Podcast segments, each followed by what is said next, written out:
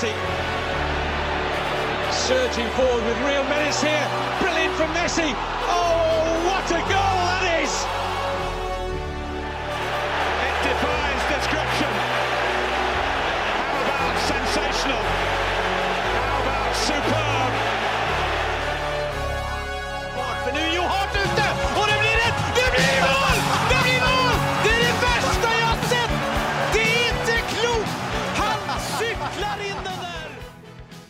Hei, hei, og velkommen til episode 161 av fotballpodkasten 90 minutter. Jeg sitter her i studio med Mats Granvold, som nettopp har blitt edru, Søren Døpker, som har ankommet bobil, og godeste ja, personen jeg aldri uttaler etternavnet til, for det er like vanskelig som uh, å uttale som Sinkernagel.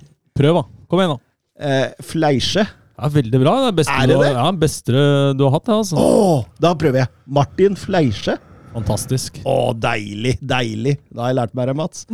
Hva- Forresten, vi fikk et spørsmål her fra Didrik Tofte Nilsen. Har du blitt edru? Eh, ja, det blei jeg dagen etter. Eh, den episoden har jeg ikke turt å høre gjennom. Eh, rett og slett i frykt for at filteret var såpass redusert i den episoden, så det har jeg ikke turt. Rart vi ikke fikk en E på den. Ja, men vi har fått det. 18-årsgrense. Nei, det skal aldri gjøre igjen, altså. Men det var morsomt, da. Ja, for de rundt var sikkert kjempegøy. Ja, ja, 100, episode 160 vil jo alltid være en sånn merkevare for 90 minutter. Mm. Eh, ferien vært bra så langt? Ja, det ble Bø. Det ble Bø. Jeg tror ikke vi var så langt unna hverandre, faktisk. Nei, nei, nei. Hvis du var hjemme på Rjukan. Mm. Skulle komme til en tur, da. Eh, jeg så skilt til Rjukan, men jeg veit ikke hvor langt unna. Sånn, sånt har jeg ikke peiling på. Nei, en time og et kvarter, kanskje? Ja. Ja. Nei, da- det var nok med Bø. ja. Kosa du der? Eh, vet du hva, Det var den dagen det lyna og tordna så fælt. Så vi ble jagd opp av vannet og måtte jo være oppe og søke dekning. Og... Så det ble litt eh, dramatisk, ble det vel ikke, men eh, det ble litt teknisk en periode, og veldig kaldt. da, For det regna jo og tordna. Og... Men det ble bra på slutten. Deilig, deilig. Søren Døpker, du flytter. Ja, jeg driver og flytter, da. Så litt uh, mye å gjøre på den fronten, da. Så skal jeg til Finland nå på onsdag, så det blir veldig gøy. Ja. Det- Se Lillestrøm, er det det? Se Lillestrøm i Seinajoki. Håpet jo at det ble Flora. De led jo første kamp med 1-0. Jeg vant første kamp med 1-0, og så led jo 2-0. Du Eh, håpa det ble Flora? Ja, selvfølgelig. Ok, hvorfor det? Tallinn er jo mye kulere by enn Seinajoki. Det er mye flere bordeller og sånn.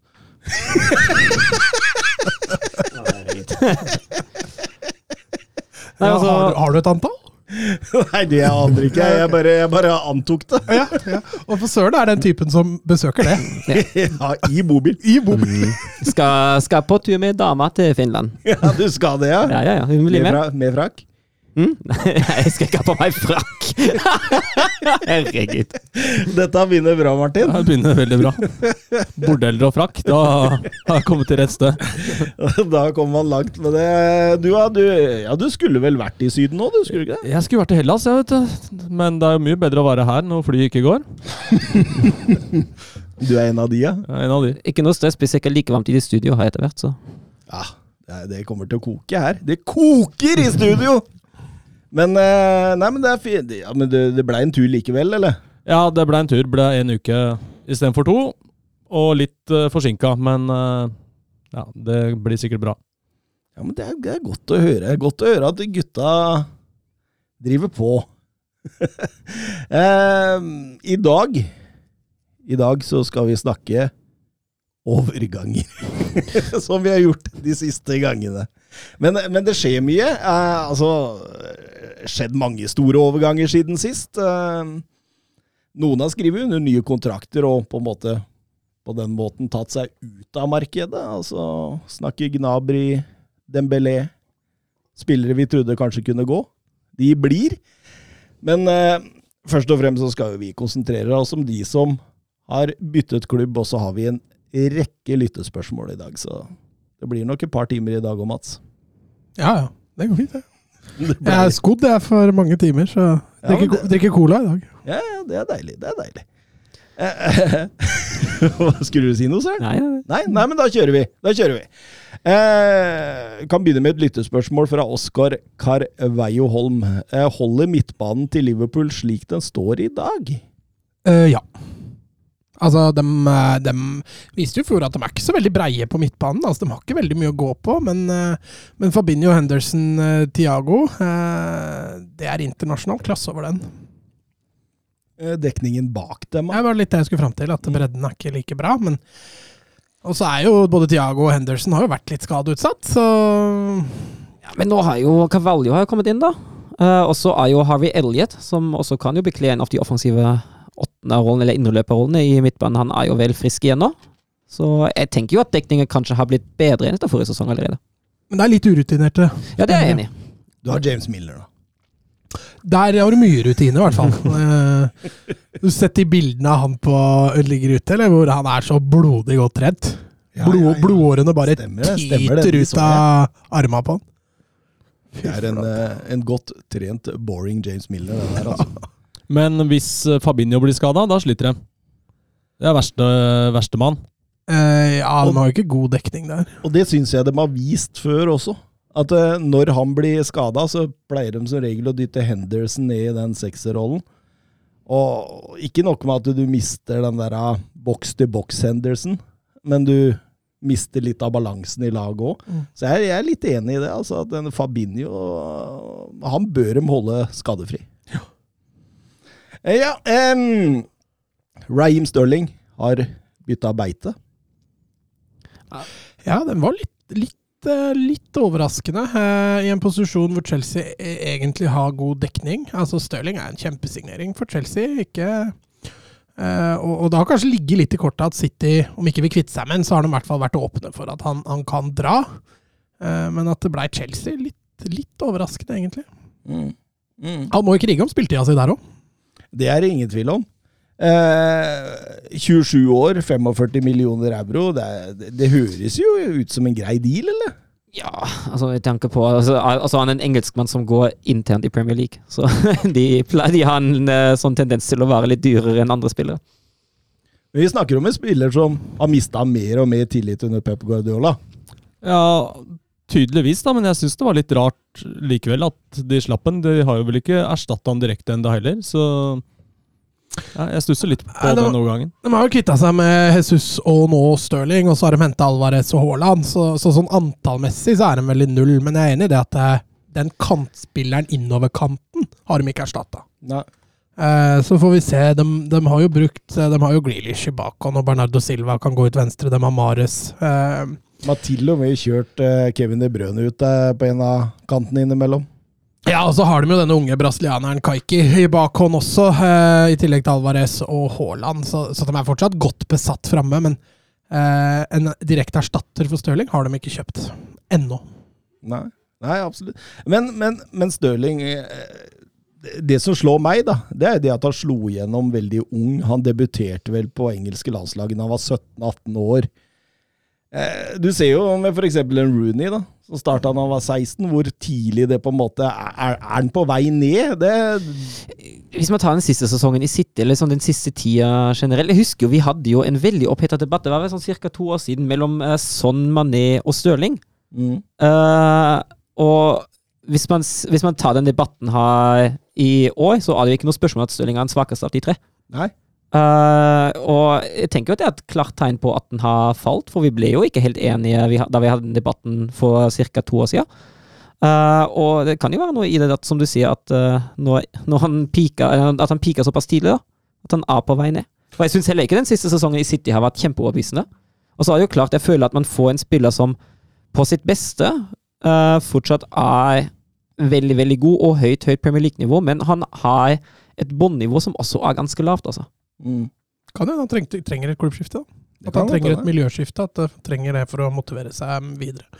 Eh, For potensialet og kvaliteten til Stirling, det er det jo ingen, ingen tvil om. Ja, det er vel bare et år siden han var veldig god i EM også. Mm.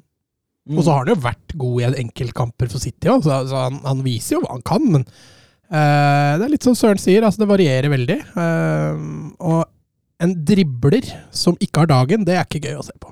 Men, men hvor går han inn i Tuchel sitt system? Altså dette 3-4-3 eller 3-4-2-1-systemet, på en måte? Kanskje han går inn som nummer ni? ja, det spydspyd, det hadde overraska meg, faktisk. Eh, jo, men Han er jo eh, ikke en, opp- han ikke en utprega målskårer heller. Han har jo en god del ganske store misser i sin eh, tid i Manchester City. Jo, man har jo eh, eksperimentert en del med Havertz Ja. i den rollen, og en Stirling der er jo ikke veldig langt unna Havertz' spillestil. Nei. Nei, kan Eh, godt men- hende det er de som bytter Men det er klart, da får du litt mer bakgrunnsrussel når du har en Stirling kontra en Havertz. Ja. Nei, det blir spennende å se, i hvert fall. Eh, Chelsea har også sikra seg Kolobali fra, fra Napoli for 40 millioner euro. og Det er vel stopperen som har blitt linka vekk, i hvert fall i fem sesonger på rad. Og, og nå, 31 år, så gikk han. Eh, Ja, de har jo ikke vært fremmede for å hente rutinerte stoppere til eh, Chelsea. er en, i mine øyne en, en god signering, men 45 er mye penger for en 31-åring. Altså, nå skal vi vel snakke litt Barca etter hvert òg, så det, det er mye penger, altså. Men, men, men samtidig, her snakker vi med et lag som skriker, skriker etter stoppere. De må ha inn stoppere, liksom. Ja, da har de mista sett den ene stopperen etter den andre ryker. Nå blir jo likt antageligvis ryker for dem også, så de er nødt til å hente kvaliteten der de kan. Og Kolibali går inn og forsterker sånn det ser ut nå. Det er det jo ingen tvil om. Ja, Det hadde du gjort òg, da. De har jo ikke forsvarsspillere igjen. Jeg hadde ikke forsterka der. Eh, Da hadde jeg heller dytta ned noen andre. ja, dem, eh, vi har jo vært inne på det. Vi tok vel Chelsea her i Var det forrige episode? Ja, det var det. Mm. Og, og da blei man jo enig med seg sjøl om at to til tre midtstoppere måtte de jo ha inn. Um, det sies også nå da at eh, Kondé han- Han sitter og venter på Barcelona, men Barcelona må selge før de kan kjøpe, og dermed kan det være muligheter for Chelsea å hijacke den dealen. Ja, og uh, altså Condé hadde jo vært et godt kjøp for Barcelona. um, men uh, viktigere Altså Jeg tror det hadde vært en veldig god overgang for Condé, da, som en, som en tredje stopper der på sida. Hvor han ikke kommer til å bli arrestert like ofte for fysikken sin da, som å spille i en, i en stoppertoer. Eh, så det hadde vært, jeg tror det hadde vært en god overgang. For, han hadde jo antageligvis fått spille ganske mye. Kondé, Kim Pembe og uh, Kolobali. Det er ikke noe dårlig treer, det, hvis det, det skjer. Ja, det hadde vært, hadde vært bra, det. Jeg må jo si at jeg har vel aldri helt vært 100% solgt på Kolobali, jeg, da. Syns han gjør litt mye rart, men toppnivået hans er jo helt uh, sjukt. Så det Det blir gjorde. Rüdi- gjorde Rydiger òg, skjønner du. Ja, han gjorde det. Fram til han kom i en treer under Tuchel. Da Ja. ble han plutselig verdens beste stopper. Mm. Mm. Det er litt sånn samme som Conte driver med innimellom, på enkelte posisjoner. Det blir spennende å se. Eh, Jørgen Nystuen har et spørsmål på Twitter. Eh, Hvis eh, Tuchel og Bowley eh, slipper eh, Levi Colville eh, nå, er det jo faktisk å lure på om de har kontroll på dette. Altså, Levi uh, Colville er jo en talentfull stopper du sikkert har sett en del til, siden han spilte i championship forrige sesong, Martin. Og ikke minst, siden han blei Var ikke han som blei eh, matchvinner i playoff-finalen? da? Det, det stemmer også, ja. Ja. ja. Så han er en stor helt, han. storspilte jo på Huddersfield i fjor. Ja, han er jo bare altså, U21 U21 Englands landslagsspiller. Eh, Han er venstrefota. Altså, bør kunne Altså, alt ligger til rette her, da. Ja, altså, han er jo bare 19 år og et kjempetalent. Men Er han rykta et sted, eller? Siden det. Ja, det, det snakkes om blant annet Nottingham Forest. Eh, Det snakkes om Arsenal, Leicester og Southampton.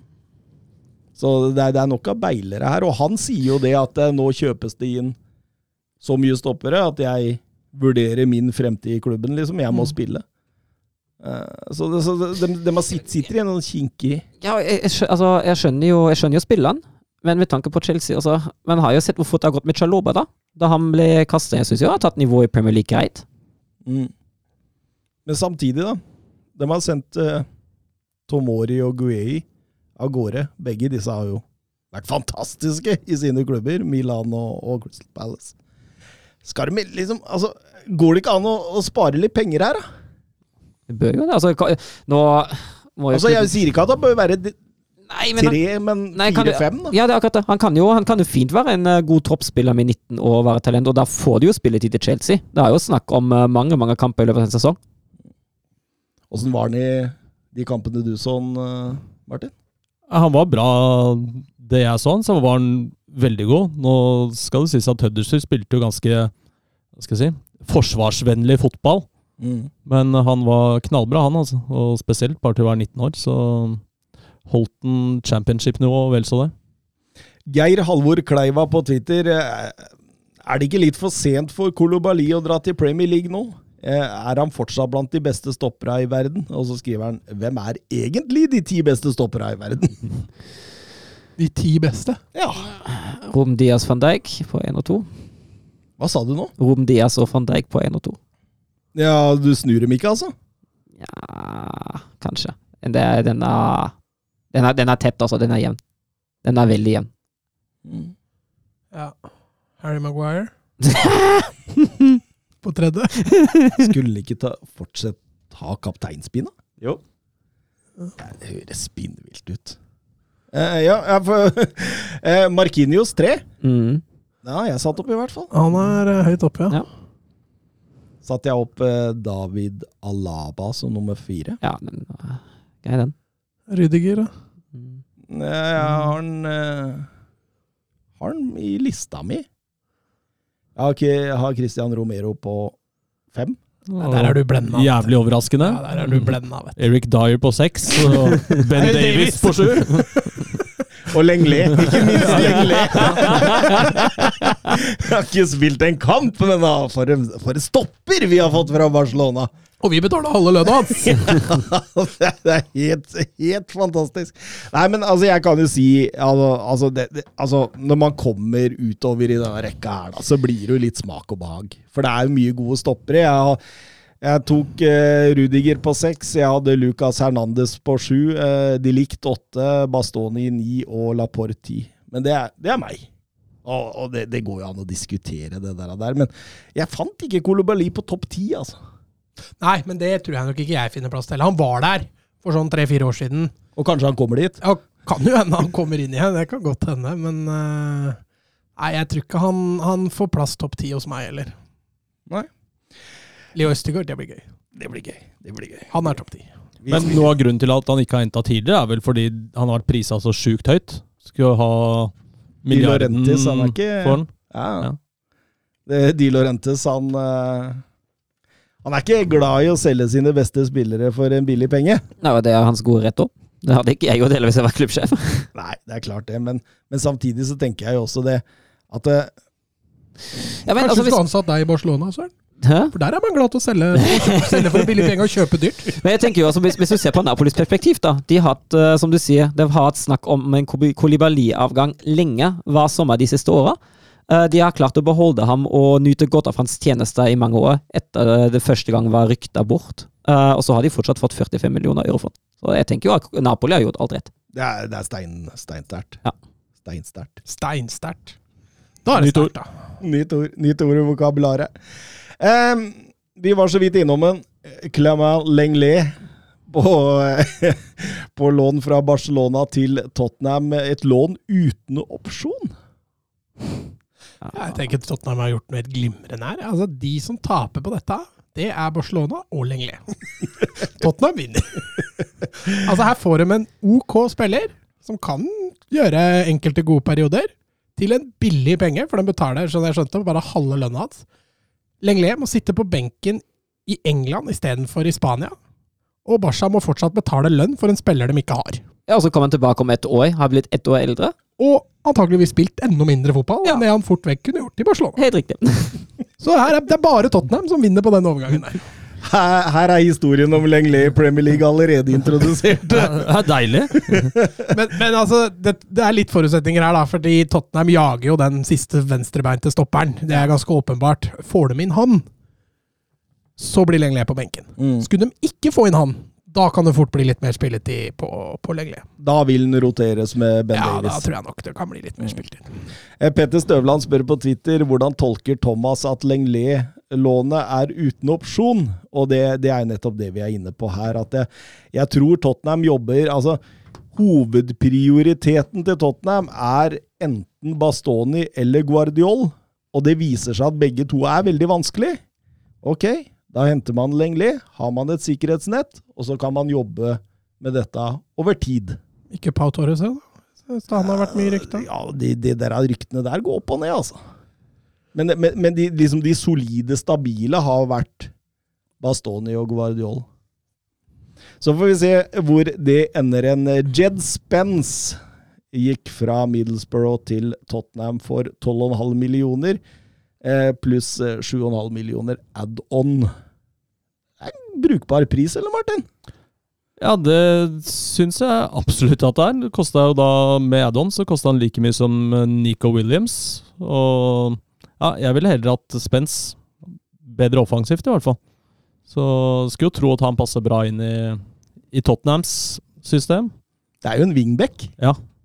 Så, så, så dette Altså, eh, hvis du ser bort fra at han er wingback, da, men, men det, det minner meg litt om da Tottenham kjøpte Kyle Walker fra Sheffield United. En sånn overlegen god stopper, ung engelsk fra championship, som liksom kom inn i Tottenham og, og, gjorde sakene sine etter hvert meget, meget bra. Um, det, det, det, er på en måte en handel jeg liksom på en måte har savna litt av Tottenham nå. Altså Den siste unge engelske fra lavere divisjoner de henta, var vel Dale Alli, tror jeg. Ja, men de har henta litt andre Steven Colker og sånn òg, eller?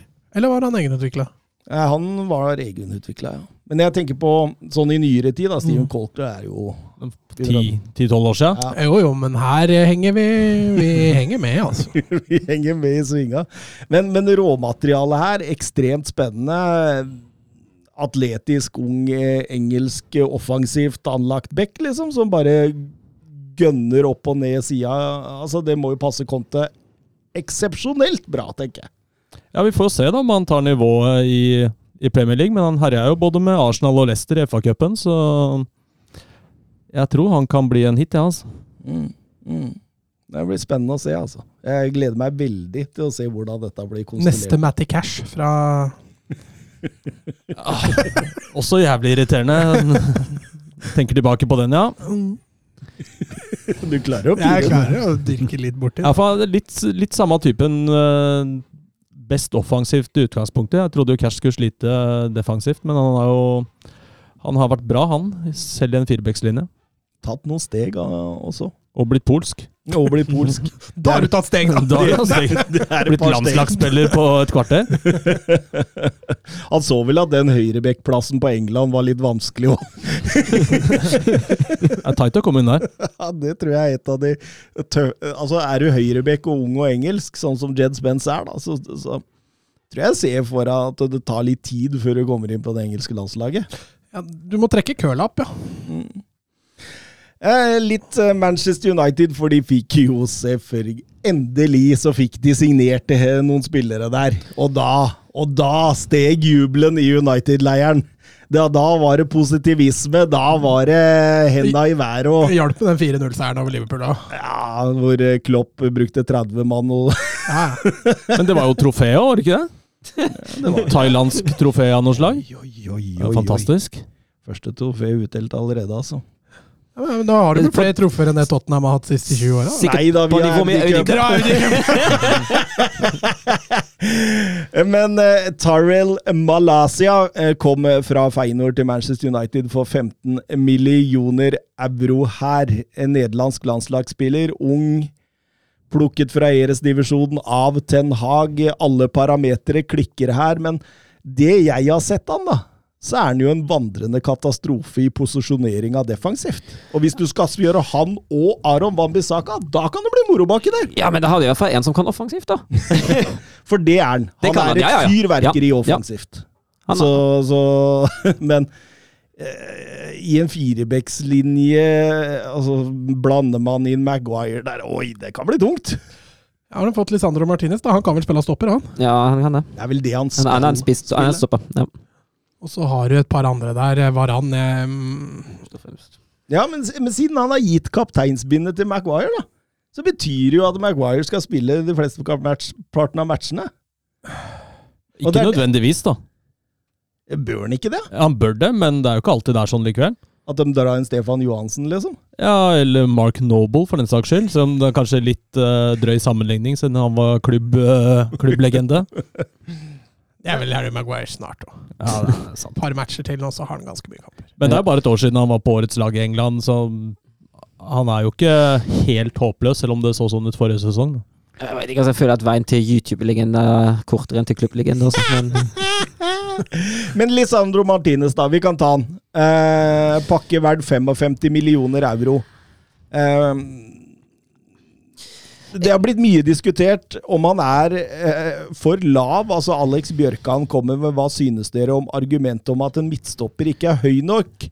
jeg, vet du jeg føler egentlig altså, Ja, det er jo et visst poeng i det. Altså, han er jo bare 1,75, men jeg tenker jo altså han, Man kan være sterk i lufta uten å være over 1,90 høy òg. Det er det ene. Det handler mye mer om timing, føler jeg. Eh, det andre er jo at det finnes så mange andre deler av stopperspillet som er såpass viktige enn akkurat luftstyrke. At selv hvis en ikke er supergod i lufta når man mangler litt høyde, kan man fortsatt være en fremragende stopper.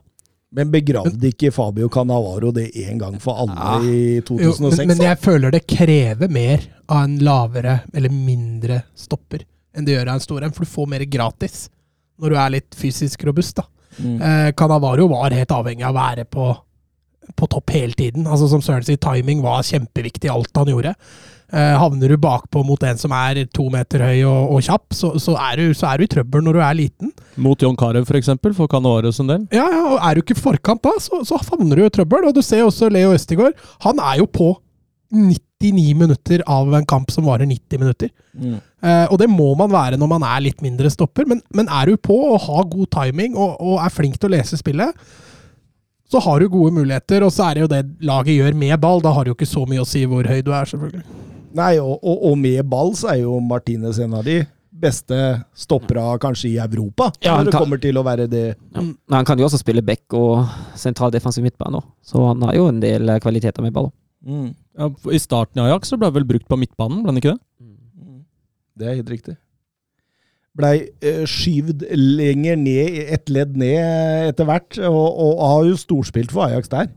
Eh, samtidig som Alvarez har gått andre veien, fra å være stopper til å bli defensiv midtbane i Ajax. Så Ja, men der er det også et lag som har ballen 70% av tida i alle kampene, da. ikke sånt, så det er jo en vesentlig forskjell.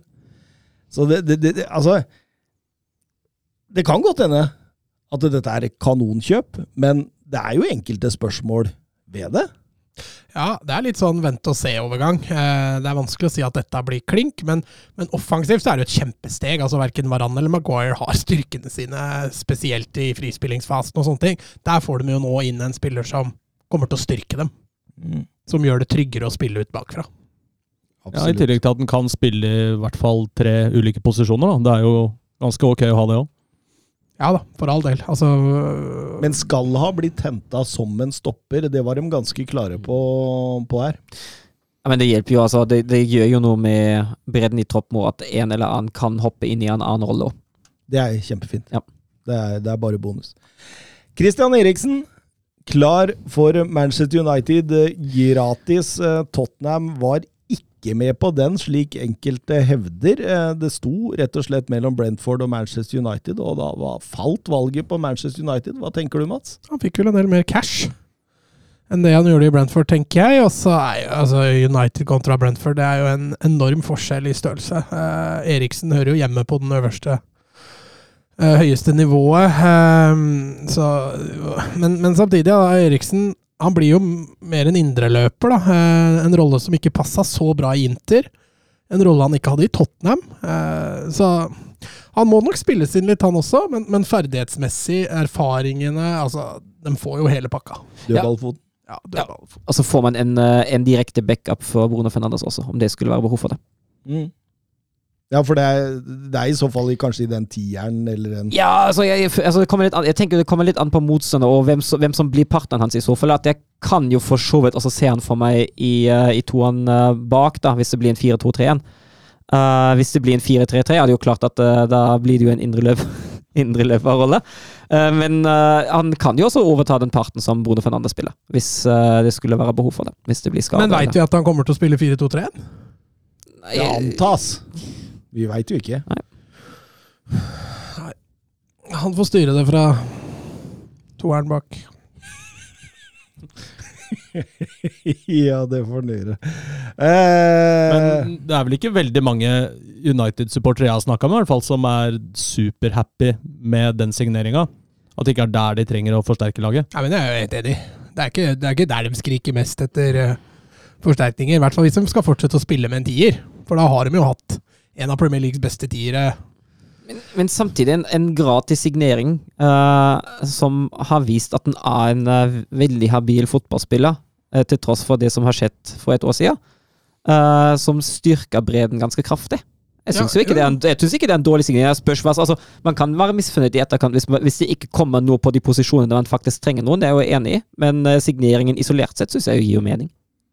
Ja, altså OJ Haaland spør på Twitter her Hva tenker dere om vinduet til Manchester United eh, så langt? Og da, da satte jeg meg ned og så tenkte jeg og De har jo henta en venstreback når det er en høyreback de virkelig trenger.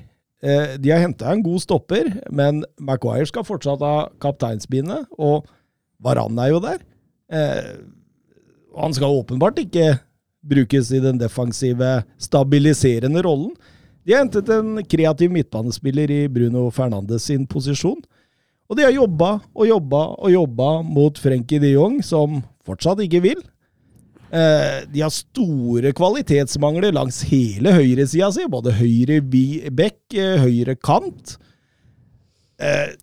De har ikke fått henta den stabiliserende midtbanespilleren som vi har snakka om i to-tre år nå. Altså, de må ha inn den. Nei, det er helt utrolig at det går an! At det går an at de fortsatt ikke har noe annet der enn McDominay og Fred Det er, altså, det, det, det er, det er Barcelona-takter over, ass! Det er Barcelona-takter over. Det er bare et stykke igjen til Barcelona. Og de står fortsatt uten en ren nummer ni. Altså, de, de, de snakker om at Ronaldo kanskje skal altså, men, men, men Ronaldo har jo sendt Mendes rundt på europatrip for å komme seg vekk fra dette her, og skjønner jo sjøl Ronaldo skjønner noe Ten Hag åpenbart ikke skjønner, siden Ten Hag hele tida snakker om at 'nei, jeg vil jobbe med han, det blir helt Ja, men, og sånn. hva, skal han si? Ja, men Altså, han er jo på vei ut. Er det ikke bare da å si at vet du hva? Ja, men han kan, altså, det kan han ikke si, for det, altså, han, han kaster jo bå Altså, merker Ja, men, men for oss som forstår litt fotball, altså, Ja da. virker det jævla dumt at du som Hen- Ten Hag, som en høytpressende manager, skal sitte og, og nærmest kjæle Ja, til deg en som ikke klarer å Ja, presse det, høyt. det er jeg jo enig i, men at han ikke kan si offentlig at nei, Ronaldo har jeg ikke behov for, han kan egentlig bare dra hvor han vil. Altså, Det sier seg så selv. men Han bør ikke si det sånn. Nei han bør, da, men- bør heller ikke si at 'å, han er i planen min, og jeg gleder meg så Ja, mye til å jobbe med. Ja, men det må, han- må jo nesten si det. Han Nei, har jo nesten, må ikke det. Hva, hva, hva skal han si, da? Han kan si det at eh, Vet du hva, vi har også fått med oss det at Ronaldo driver og leter etter nye klubber. Og eh, altså, hvis han finner en, så skal ikke vi stille oss i veien for det. Ja, men Da ødelegger du potensielt en god del transferinntekt. Overgangsinntekt. For da, sier du egen, da setter du deg sjøl i en helt elendig forhandlingsposisjon. Ja, Men tror du ikke alle klubbeiere veit dette her? At, eh, at Ronaldo ikke passer inn Ten Hag eh, Jo, men det betyr jo ikke at Manchester United eh, trenger å kvitte seg billigere enn nødvendig med det. Og hvis du kommer med sånne uttalelser offentlig, så er jo det resultatet at en klubb sier at å ja, dere vil egentlig ha 20, men dere vil ikke ha han, så vi gir dere 10. Altså, Så han, så han kjøper seg kredibilitet på å være dum for å kunne øke transferbudsjettet her? Jeg tror jeg hadde ansatt Dupker som sportssjef. Null stress, faktisk. Han hadde fått penger han for 5 til 10. Det er helt sikkert. Og Tottenham hadde betalt 100 av lønna til Lenglet eh, hvis, hvis Søren hadde vært sportssjef. Men det han kunne sagt, var jo det at eh, når han ble ansatt, så skulle han ikke gått så høyt ut med Ronaldo. Han kunne bare sagt det at alle får sjansen når jeg tar over. Jeg skal se alle, og så kommer jeg til å velge de som passer meg best. Mm. Så ikke snakk så mye om Ronaldo. det, det er jeg enig i. Det kunne han sagt. En god mellomting der, Ja, altså. men når han får 20 spørsmål om Ronaldo på hver pressekonferanse, så blir han lurt ut på glattisen han òg. Ja, det kan det godt hende han blir, men eh, jeg tror fortsatt jeg skulle greid å prøve å holde meg litt, eh, ikke anonym, men i hvert fall eh, i vater.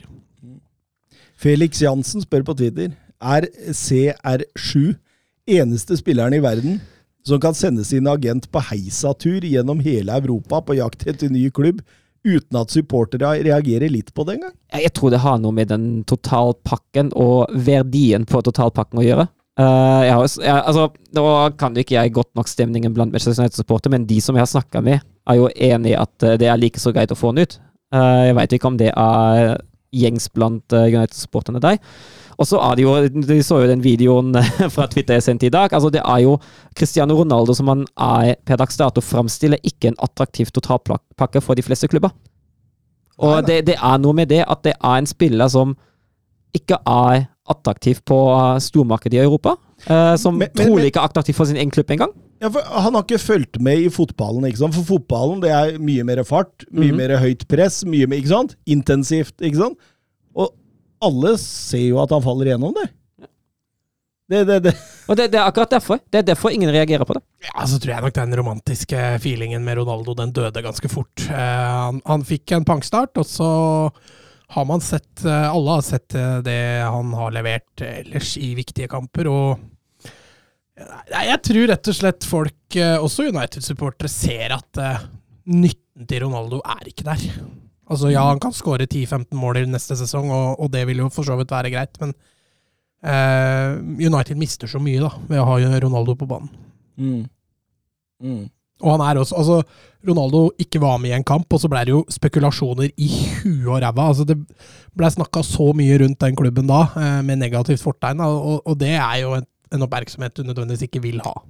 Ja, når han ble forbanna på Ragnhild når han ble bytta ut der, så det blir store, fete overskrifter da, som, som forstyrrer. og Er du, er du Ronaldo-fan du, eller, Martin? Nei, på ingen måte. Nei?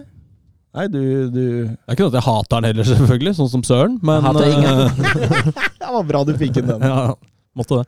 Men eh, ja, han skårer jo uansett ganske mange mål i løpet av en sesong, og så er det få klubber som har råd til den, så det blir vel sikkert ikke lett å finne seg en ny klubb. Det er vel Chelsea som er eneste muligheten, sånn det ser ut, med den lønna, i hvert fall. Nå kom det jo noe Atletico Madrid-rykter i dag, Mats.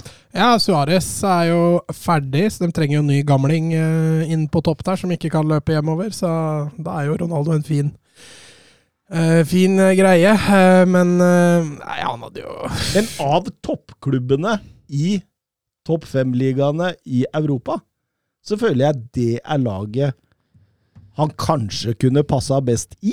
Fordi de kjører ikke nødvendigvis dette Nei, høye presset. Jeg er helt enig, sånn sett. Han, han passer nok greit inn der. Men så er det historia, da. Kommer fra Real Madrid, og så skal du inn der i Atletico. Eh, Prøvde han seg ikke å komme seg inn i City før Manchester United? Altså åpenbart at han har jo ikke så store følelser rundt sånne ting. eh, men eh, altså Ronaldo Simione, den matchen der den, Den kan bli spennende. Altså Når Ronaldo blir bytta ut i fjerde kamp på rad i det 60. minutt, da skal det bli artig å være på det klubbrommet og høre den diskusjonen. Altså.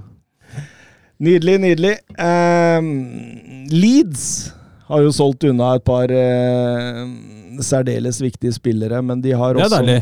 Ja. Men de har fått inn Ja, det, det er hatlaget i Forrest, det. Nei, det er det ikke. Nei, ok. Det er er? Derby. Men hvorfor var det så deilig, da? For det er jo på topp tre, kanskje. Topp oh. top tre, topp fire. Skjønner, skjønner. Um, men de har jo fått inn noen bra spillere inn. Eh, Tyler Adams og Louis uh, Sinisterra er jo strålende Strålende overganger, Mats. Ja, altså det er litt sånn fra Salzburg-systemet, holdt jeg på å si. Det er, eh, de er glad i det. er tydelig. De fant jo trener derfra nå, så det, det er tydelig hvor de vil hen med stilen sin, i hvert fall. Er det veien å gå, Søren? Ja, altså jeg tenker jo altså det, det er jo mye bedre når du først, når du først henter deg en trener som står for en viss spillestil, at du velger å tilrettelegge for at trener kan gjennomføre den spillestilen så godt som mulig. Jeg tenker jo at det er, ja, det er veien å gå. Og så er det sånn, Når du går vekk fra Bielsa, da, så tenker jeg at det er jo veldig få som har hans stil. Mm. Eh, eller i hvert fall tilnærming til fotball. Mm. Men hvis du først skal da begynne å bare sakte, men sikkert bevege deg vekk fra det, så tenker jeg dette er en god, god vei å gå. Det som er jo om man må sparke Mars denne sesongen, eller den dagen Mars er ferdig, så er det jo viktig at når han først har bygget opp fundamentet på det der, at man da fortsetter i samme sporet, istedenfor at man da henter en trener med en helt ny og helt annen stil. Ha en rød tråd i det. Ja. Ja, det, det, det er jeg for så vidt enig i. Sånn Louis som, sånn som Fugla, som gikk fra Kristinsson til Erlandsen. Der, det var, Det eh, var, greit sprik. ja, Wolfsburg går fra Glasner til Van Bommel. Det Ja, var fin, den. Ja, altså Altså, fra Pochettino til eh, Mourinho, den er også Den, den er også um, Luis Sinistera der, som kom fra Feinor til Leeds der. Jeg hadde jo en Twitter-tråd for ikke så lenge siden da jeg lanserte han som en av de fem eh, spillere jeg trodde kunne forsvinne fra Eres-divisjonen eh, denne sommeren. Eh, for et sirkus! For en fantastisk spiller der! Ja, det kan bli gøy, det. Ja, da har man fått inn støtten for Rafinha med en gang, da. Ja, det er, det er jo Ja. litt uh, Rafinha-style over dette. Bare kanskje enda mer tempo og Mm. litt mindre Altså, Finesse. ja. Men det er veldig, veldig spennende å se colombiansk landslagsspiller. Jeg tror eh, det kan bli Det kan bli gøy. um, et par små overganger. Eh, Tarkovskij gratis eh, fra Burnley til Everton. Eh, det må jo være greit for Everton, som er i pengemangel.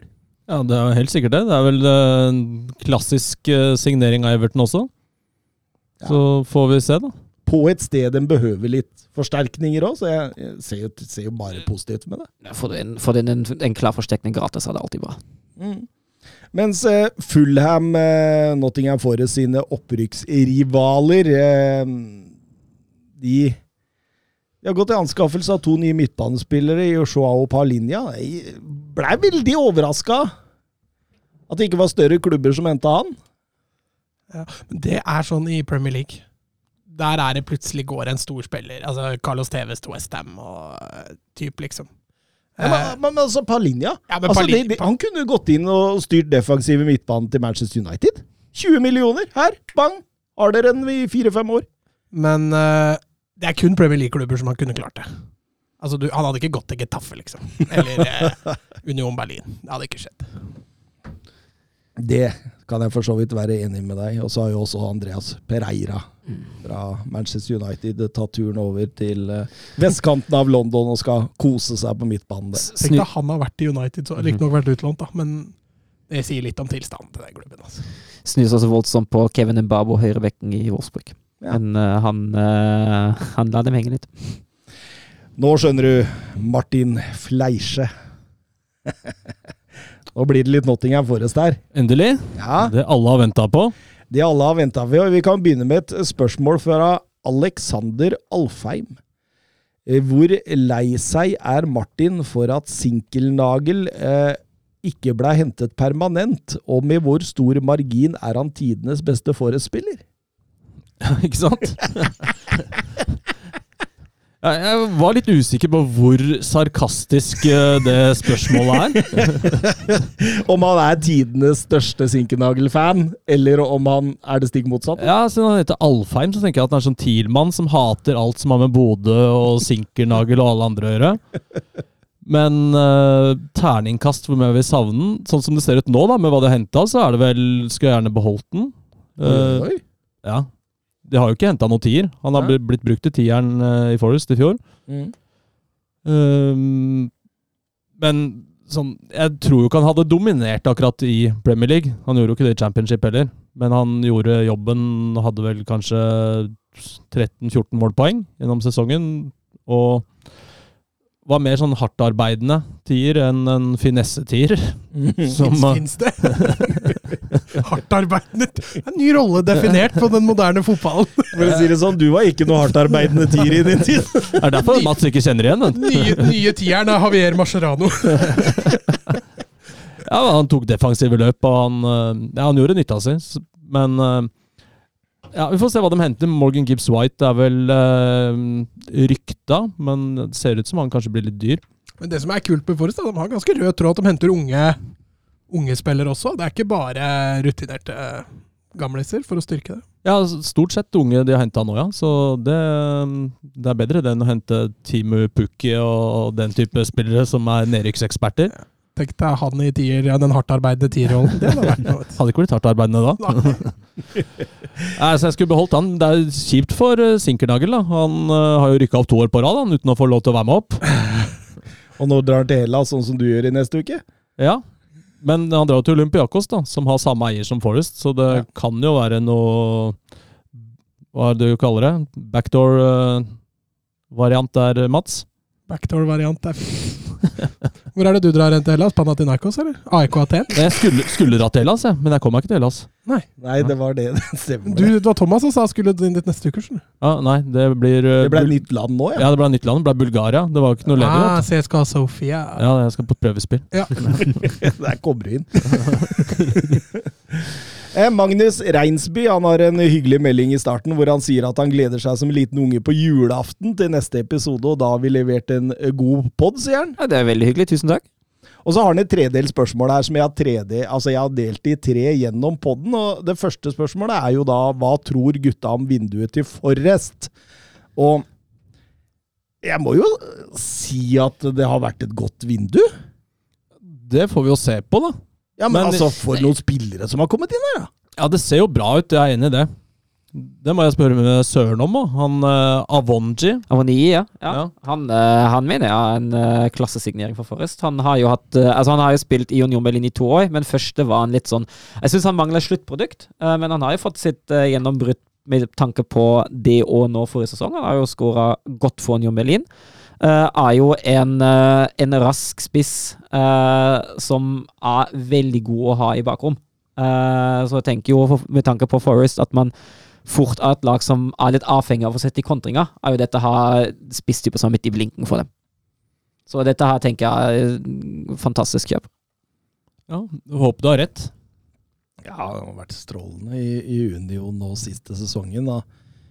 Han Altså, er tanke, tanke på at eh, Forrest sikkert blir pressa litt uh, i mange av kampene, så må jo han være glimrende. mm. Niakatea har ment, da, fra Ja, og det er jo en eh, Nice. meget solid stopper. Eh, det var jo en eh, stopper som var rykta en god del steder nå i sommer, jeg tenker at dette har også en eh, forsterkning sentralt. En ganske fysisk og robust spiller som heller ikke er dårlig med ball. Så mm. ja, fint, det. God, god signering Wolfsburg, snuste på ham òg. Absolutt. Så har de henta Dean Henderson på, på lån fra Manchester. Er det opsjon der, eller? Nei, det var snakk om det først, men det ble reint lån. Så det Skulle jo tro at det er en, en god signering, eller et godt lån. Han var jo ekstremt god for eh, er det tre sesonger siden nå, i Sheffield United. Men så prøvde han seg United etterpå, da var det ikke så imponerende. Ja, ikke sant? Så jeg skulle gjerne hatt en opsjon på den, i hvert fall. Et, mm. et dyrt lån på et år, Mm. men eh, ja, jeg er ganske fornøyd med, den, eh, med det lånet likevel. Ja, når, når, når selve kongen, Bris Mamba, dro til, til Ligue Ø, så Samba. Samba? Samba? Samba. Sa jeg det Mamba? Du sa Mamba. Mamba mam, Mambo, var det. Bris Mambo. Number five. Bris Mambo number five. men, men det var jo en helt hjemme i, i ditt hjem. Ja, ja, det var det jo. Han blei vel helt for alle Forest-fans, han, etter eh, Spesielt etter semifinalen mot Sheffield United og straffekonken der. Omer Richards også. Ja, gammel Reading-spiller som har vært vært år, er det det, i Bayern? I Bayern? Ja, og har ikke klart å ta nivået der. Men uh, skal ikke si bort ifra at han blir en forsterkning i Nottingham Forest. Må jo kjempe. Er, men, men er han venstrebekk eller høyrebekk, han? Herregud, hvordan var den? Jeg håper det er venstrebekk, Jeg, jeg, mener, jeg, jeg mener at han var venstrebekk. Ja. det, er der han har spilt, i hvert fall. Ja, jeg mener at han er venstrebekk. I Bayern så har han Ja. spilt Ja, venstre. for de har henta både Neko Williams og Julian Biancone fra Troja. Så, og begge de to er høyrebacker, så må vel satse på det. Ja, han Biancon, eller hvordan det uttales, han har jeg ikke noe kunnskap om. Men uh, jeg syns det var stiv pris å betale ni mil for uh, pund for uh, en eller annen fra Frankrike. Men eh, vi får nå se, da. Det er eh, Har fått litt penger, så da må det brukes opp. Sånn er det i Premier League, Mats. Ja, det er akkurat sånn det er i Premier League. Men Nico Williams er vel uh, Skulle tro at det er et bra kjøp. Ja, altså man hadde jo veldig stor tro på han for et par år siden. Jeg husker man eh, det gikk i ett ord om, eh, om spilleren som Skulle kunne ta opp kampen med Trent Alexander Mm. Arnold. Men, men det gikk ikke helt sånn. Men, men talentet er jo der. Ja, og så er det jo å ta opp kampen med verdens beste høyreback, så det er jo ikke sånn kjempe, kjempelett, det heller. Det er ikke det. Det er ikke det. Bra fantasy-kjøp, da. Fire mil. Kommer til å spille. han må, må rett inn, han. Dere er, henger ikke med på fantasy, dere. Hva er det for noe igjen? Ferdig Ferdigheter runde fem-seks, de da. Runde to var det etter meg forrige sesong. Så. Du holdt lenger i den tyske fantasyen, gjorde du ikke det? Jeg spilte ikke, jeg tror ikke jeg spilte en tysker engang i fjor. Nei, nei, nei, der skal du se.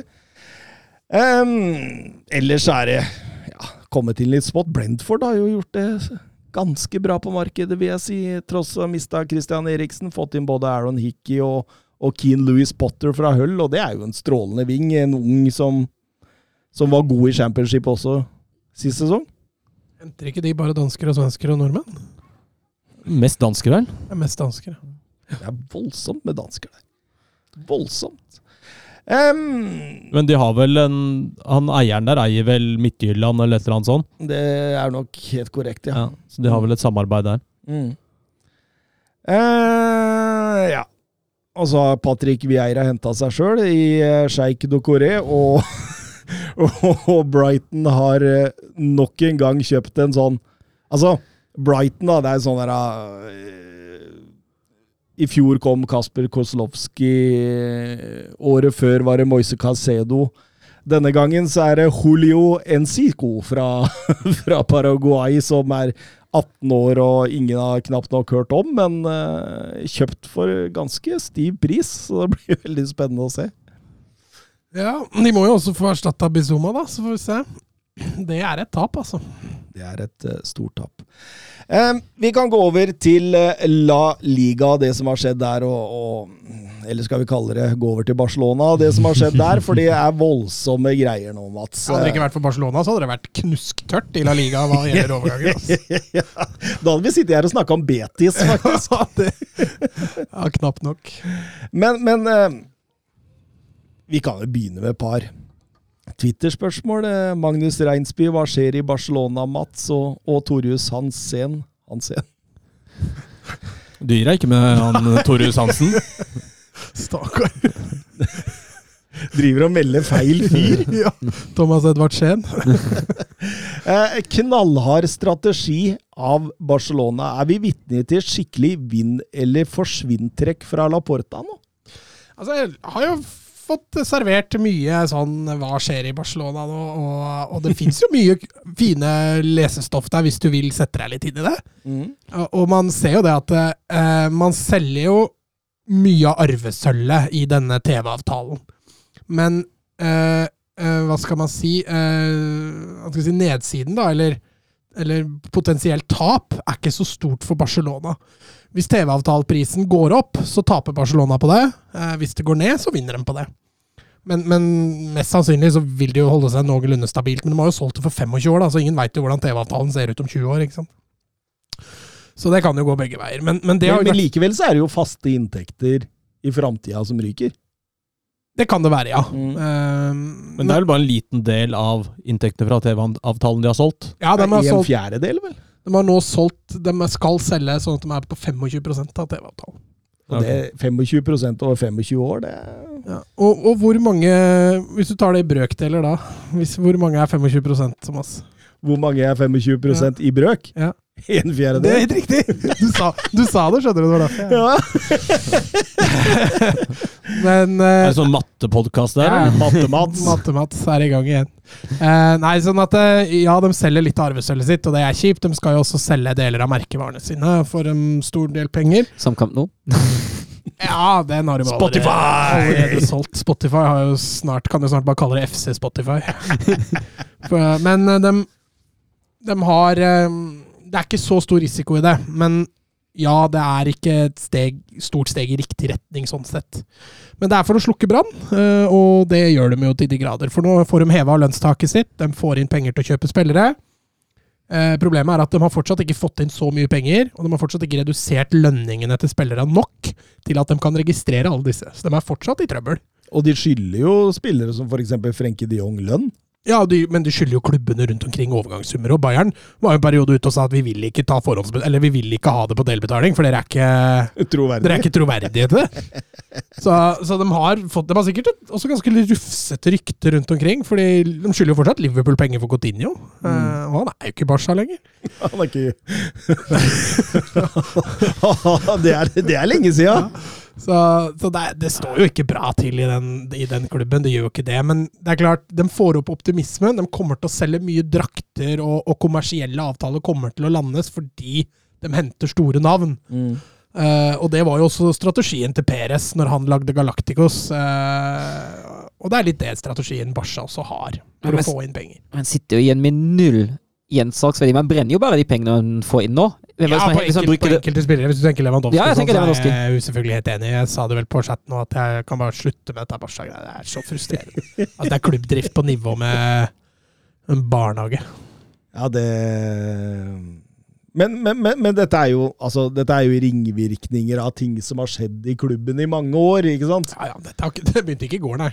Så, så, så, så det er jo på en måte Laportas måte å prøve å få dette opp og stå igjen. Og så, og så, så er han jo fullstendig avhengig av å treffe på disse Ja, det er klart, Barca har ikke mange skyvebom igjen. Jeg sa det jo også på den chatten at eh, jeg frykter at uh, om et par år, om det er et Barcelona sånn vi kjenner det i dag, går dette feil, da har, vi, da har ikke vi mye å lene oss på lenger. Altså. Da Sikkerheten i banker og sånn vil forsvinne. Eh, man har ikke mer igjen å selge av klubben, eh, så verdiene vil jo være borte. Eh, så det eneste klubben sitter igjen med da av verdier, er jo hva spillere er verdt. Mm. og det er jo ikke bra, vet du. Når du sitter med en tropp som er mindre verdt enn du har gjeld. Hva tenker du om dette surret, Martin? Jeg syns jo det er Jeg synes det er litt morsomt, da. De skal jo signere så jævlig mange spillere. Skal hente han derre Marcos Alonso i tillegg til Ja, de skal ha en kvalitet, ja. ja. ja. Eldre folk. Ja. Mm. Men kan de registrere noen nye spillere nå før de har blitt kvitt uh, Frenkie? Nei, det er, det, det, er, litt, det er eh, grunnen til at Hols Condé er på vent nå. Ja. og de kan mulig Altså, det, det, det kunne jo vært en god, god stopper inn som også har gjensalgsverdi, som Søren, sportssjef Dupker, er så opptatt av. Mm. Men, eh, men, men, men, men nå må de jo selge, ikke sant? Og, og Frenkie de Jong er jo en del av den pakka. Men han vil jo ikke dra. Altså, Han vil i hvert fall ikke til United. Han vil i hvert fall ikke til United. Nei. Eh, og det er jo dumt, fordi han har en høy lønn. Han er blant de best betalte i Barcelona. Eh, og blitt kvitt den lønnsposen ville jo frigjort mye rom i denne FFP. Ja, og så er det vel sånn at uh, hvis de selger han for 80, da 65, faktisk. Ja, De skal selge den for mindre enn det de kjøpte den for. Ja, selvfølgelig skal det det. Ja, Du har en sportssjef som kan butikk. Men da får du inntektsført de 65, mens når de kjøper Rafinha for tilsvarende på femårskontrakt, så kan de skrive av summen over fem år. Ja. Er det ikke sånn? Mm. Ja. Så det er klubbdrift. Det er herlig. Og så får du Lewandowski på toppen, og får, Kessie og ikke for mindre enn 45 mil. Ja, Fy andre Her har du langtidsprosjekt. Men Lewandowski, Lewandowski, vi må snakke om den. Det blei altså klart.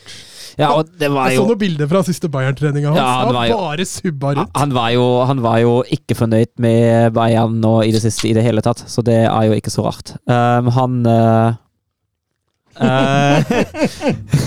Martin deler ut øl der, og Ja, da, det- er da mister ja. sportssjef eh, Søren Dupker helt og, og til slutt var det jo sånn at det var i Bayerns interesse også å få dette her overstått og ikke ta han med til USA-reisen. Eh, de ville nå, Det var tydelig at han, han skulle bli solgt. Um, nytt transfermål for Bayern nå neste sommer uh, ryktes sterkt å være Harry Kane, som de anser som uoppnåelig denne sommeren, som, som de skal prøve seg skikkelig på neste sommer. Så det er jo spennende å se.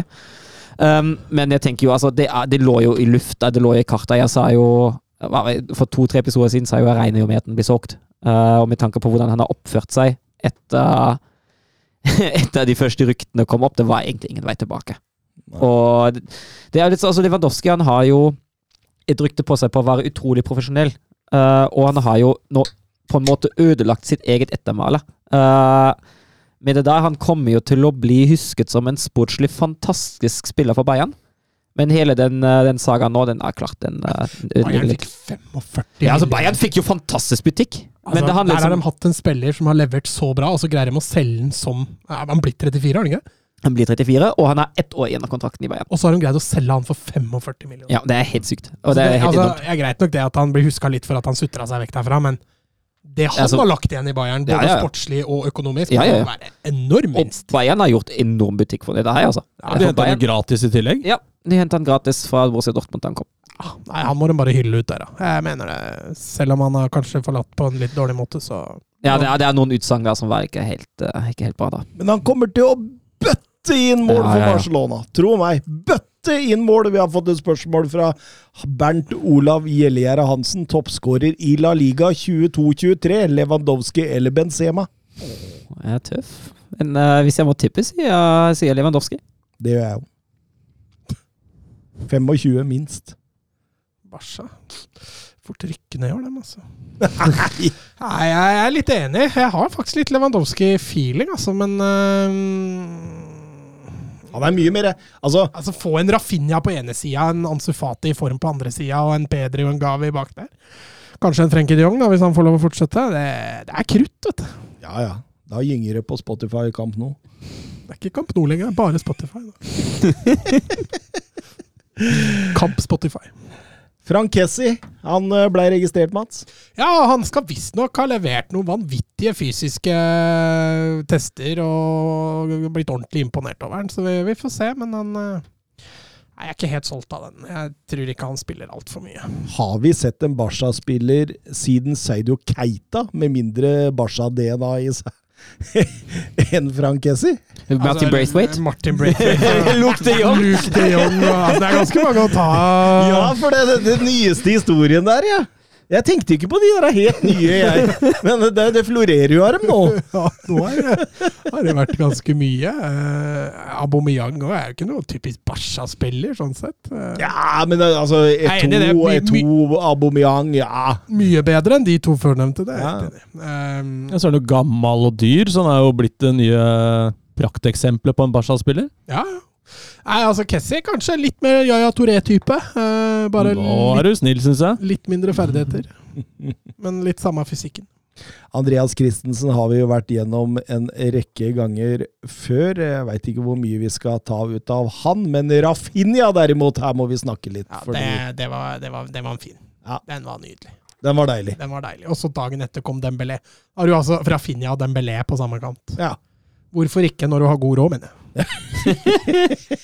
så kan man jo smykke seg med de to der. Men her snakker vi jo faktisk spillere som også kan selges videre til en viss sum, hvis de presterer. Uh, ja, definitivt. Uh, der har du verdi og mersalgsverdi, men Barca tror jeg ikke tenker for mye på Nei, det. det tror har ikke de jo har de jo vist opp gjennom at de er ikke så opptatt av hvor mye de kan selges for. Jeg er helt enig i det, men eh, det er muligheter der, i hvert fall. Men, men Rafinha jeg tror det blir knapper og glansbilder. Det blir glansbilder, ikke knapper. Det, det Det er jo både knapper og glansbilder. Men, men, men poenget mitt, da, det er det at altså, eh, altså Rafinha han er jo ikke den akademibrasilianeren som vi ser i dag. Han er jo favela-brasilianeren som eh, er, har lagd fotballskoa sine sjøl og fotballen sin sjøl, og begynte derfra. Og har jobba seg oppover. Og, altså, jeg får, uten sammenligning, så får jeg litt sånn Ronaldinho-flashback over dette her. Jeg, jeg føler at nå har Barca fått inn en Adama Traore som også har sluttprodukt. Hvis man eh, vil si det litt uh, Men, måten. vanvittig mye bedre teknikk. Ja, ja, jeg er enig i Altså, det. Adama Traoré er jo mer tut og kjør og rett fram. Uh, Men han har gode dribleferdigheter i Adama òg. Og, men det er av tempoet hans. Ja, ja. Altså, han drakk ikke av to kroppsfinter og to mann. Han, han løper fra dem. Ja.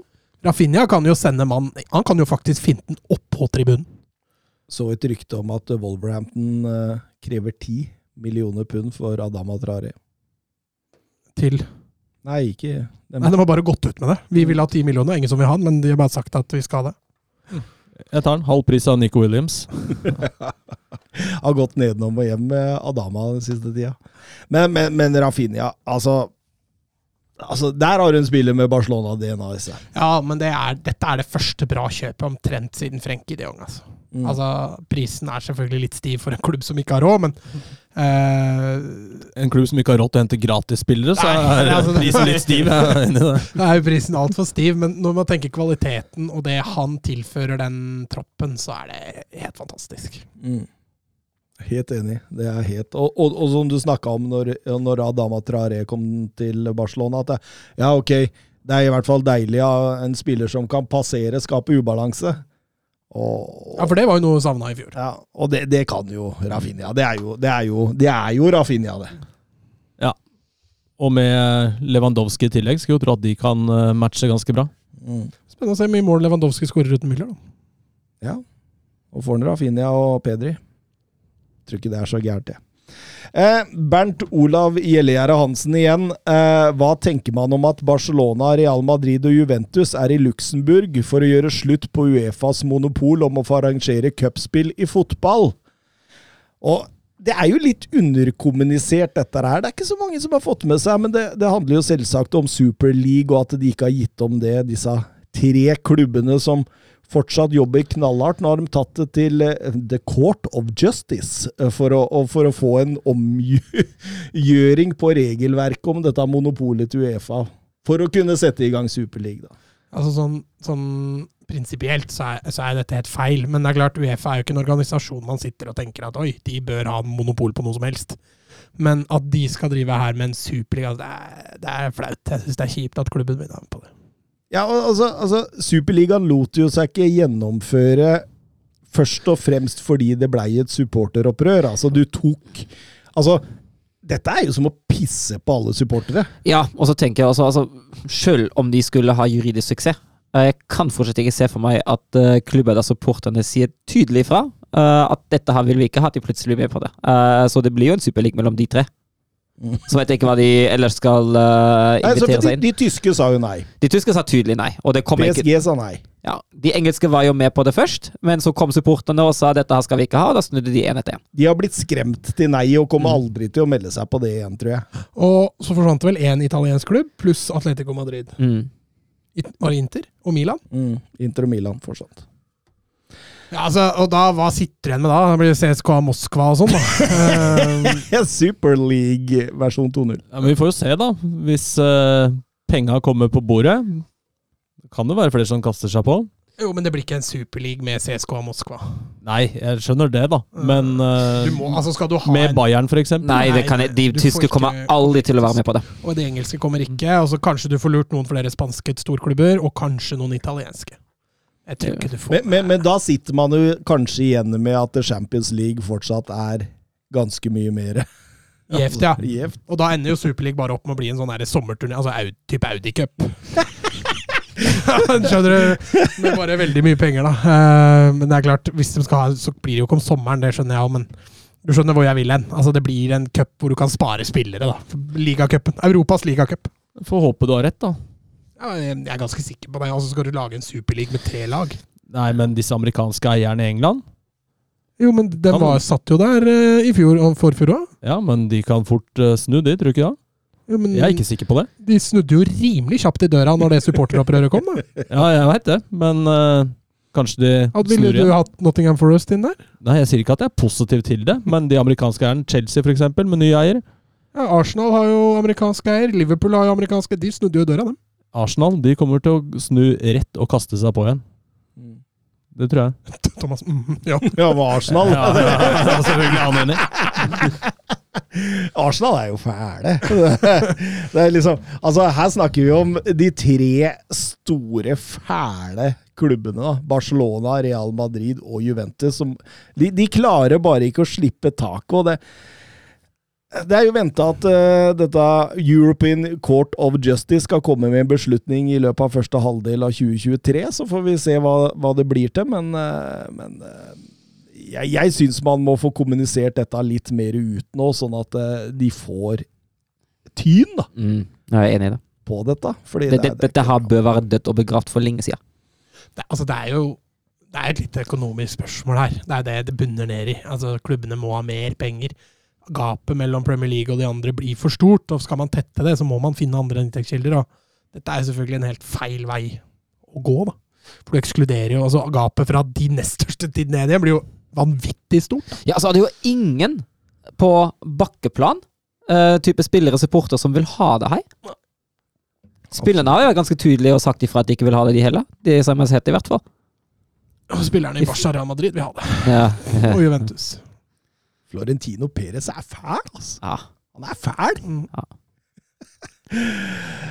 um, hadde han ikke Jeg tror Florentino Perez også hadde ja, Under presidentskapet sitt i Real Madrid nå, så har han eh, fiksa og triksa med reglene som gjør at det er knapt nok noen annen som Ja, kan ta over for. Det er, du må ha en viss inntekt eller noe sånt. Uh, Ja, og så og så mange mennesker Ja. som jobber under. ja, altså. for, som, så for at du kan stille til valg i det hele tatt. Så den prosessen er ikke demokratisk i det hele tatt. Det er knapt nok en person i verden som kan ta over etter Det er herlig, det, òg. Passe på seg sjæl, vet du. Det, det klarer han. Em, hvis vi skal litt videre i La Liga, da. Bryce Mendes gikk fra Celta Vigo til Real Sociedad for 14 millioner euro. Um, hva tenker du om det, Mats? Kul overgang. Uh, han har noen spennende ferdigheter som passer dette ballspillende Sociedad-laget fint. Uh, det er klart Nå har de en David eh, Silva som er på hell, og en Bryce Mendes som kan gå inn der og være litt langtenkelig erstatter. Mm. Så kul overgang.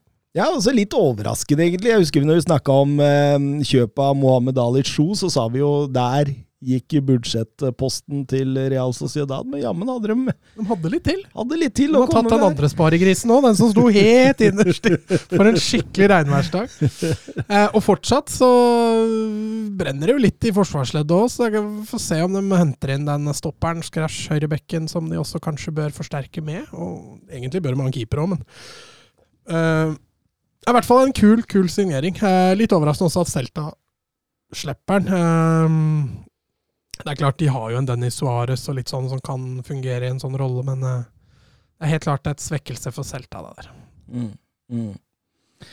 Eh, Sevilla har erstatta Diego Carlos. Jeg regner med dette er en direkte erstatter for han i Marcao. Og, og, og det minner jo også litt om måten de henta Diego Carlos på. Han tok stegene fra Brasil ut til eh, Portugal og så til Nantes. Eh, Denne Marcao var også i Portugal før han forsvant til Galatasaray, og, tolv 12 millioner euro. En, knallhard, gal stopper, Søren Døpker. Han er gæren. Ja, men det jeg er jo kanskje Dio Carlos ganger fem, da. Ja, Diego Carlos var ikke helt ham på banen. han. Nei, det er akkurat det. Men Mm, Så kan jo hende det, det er greit, men, men veldig typisk Monchi-kjøp. Eh, Som har sittet litt stille på gjerdet. ja, de har venta litt. De, de venter vel å se hva som skjer dem også. Nå har de kvitta seg med Luke de Jong, og de har Diego Carlos, som, som du har fått med deg. Uh, men, men de må også begynne å fornye seg litt, for det begynner å bli mye gamlinger på, på dette laget. Den fronttrioen begynner vel, har vel passert snart 80 år til sammen, så eh, Veldig spent på å se hva de gjør offensivt. Denne Marcao, vet du, Martin, han eh, var jo i søkelyset i tyrkisk fotball eh, sist sesong. Han fikk rødt kort for å, for å slå og gi en lagkamerat et Glasgow-kiss på en og samme gang. Men det er deilig. Det har jeg ikke fått med meg. Slå og Glasgow Kiss. Ja, først slo han, og så var ja, det ok. Ikke i en så ma- bevegelse. Mandalsnuset etterpå. Ja. Så han fikk åtte kamper av forbundet av det, og dette er, dette er Altså, denne fyren her, han eh, Det er ikke en du vil møte i en mørk bakgate, for å si det sånn. For å si det sånn, den gata er ikke åpen i begge ender. um, og så Betis, da. Jeg var inne på det at Betis er jo på en måte det laget man hadde snakka om. Hadde det ikke vært for, for, eh, for Barcelona nå. em, eh, fått inn Luis Felipe fra Lazio for gratis, og det, Det er klasse. det er klasse å kjøpe det. Eller klasse hent. Altså stopper Vi snakka jo litt om Betis eh, for et par episoder siden. og Stopperen er jo Det mangler den enerstopperen, eh, og det, det får de jo inn her. Eh, en klassesignering. Eh, og fortsatt så har de ikke solgt stort, da, for å si det på den måten. og så lenge de ikke gjør det, kan fortsette å hente inn noen enere, så kan Betis fint etablere seg og krige noen allerede neste sesong om, om topp fire. Ja, og vi snakka jo om Luis Henrique sist, som, eh, som er jo utrolig spennende, som har kommet inn. Eh, Hosam Aouar eh, blir linka sterkt i disse dager, og også Giovanni Lo Celso kan være et alternativ for dem. Det er også Sevilla.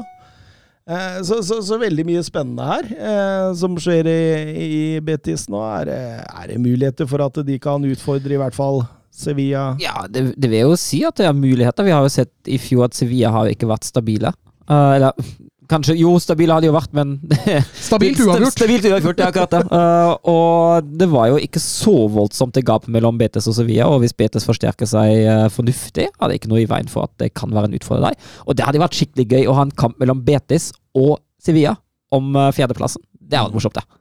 Men uh, de har fortsatt ikke forsterka seg på nummer ni. Og det, det er et Altså, dem, Juanmi som slo litt gjennom i fjor Det var da Betis var best, når han var på topp i fjor, og så fikk han en skade, og så, og så dalte formen til Betis, for de hadde ikke målskårere.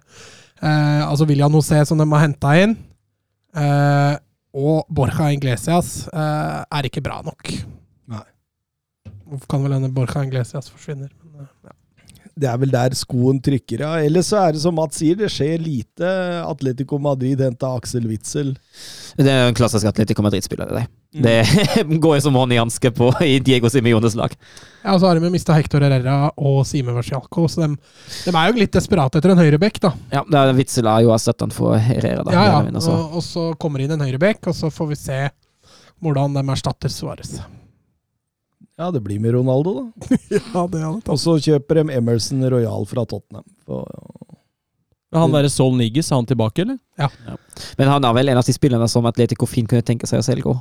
Har jeg lest for å skape uh, penger. Ja, det kan godt hende. Altså, alle spillere til Atletico er til salg, sånn rent historisk, men de selger jo ikke billig. Og, og det han viste i Chelsea i fjor, gjør nok at de engelske klubbene sitter nok litt på gjerdet når det gjelder han. Så skal de få litt penger for det der, så blir det Bundesliga eller, eh, eller eh, PSG. mm. Og PSG har jo, har jo snudd litt, så ja. Og i Bundesliga, altså. Jeg ser ikke helt hvem. Nei, jeg, jeg tror han ender opp med å bli, eller eventuelt bli lånt ut på nytt. Og i Real Madrid så skjer det lite etter Rudiger og Chouameni. eh, Så var Angelotti ute og sa det at eh, Vet du hva, vi anser Eden Hazard som en ny spiller denne sesongen. Og, og etter de to kjøpa så, så er vi mette, og da veit vi jo åssen Real Madrid-laget vil se, se ut denne sesongen. Jeg gleder meg til å se en ny Eden Hazard. jeg, da. Ja. De, de, de driver og snakker om det, både Hazard og, og, Angelotti. At eh, nå kommer den Hazard man skulle hatt for to år sia. Så det blir spennende. Skada i første seriekamp, og så er han tilbake igjen til tjukke Hazard. litt lenger unna McDonald's. Han har det, ja. Ja. Så han må komme nærmere Burger King. ja, Faen, var Burger King der! Da ryker vi på en smell igjen. Uh, Mathis Delict er klar for Eller er han klar? Ja, så godt som. Ja, så, godt, som. Så godt som. For Bayern München, og dette her er massivt. Det er en uh, kjempesterk signering. Jeg synes jo Overgangsvinduet til Bayern har jo vært sterkt. De har kvitta seg med litt troppfull som uh, Richards og Roca. Og Og Lewandowski. ja, den, eh, den Hva sa du, Søren? Rocca, hvor gikk han? Eh, Leeds.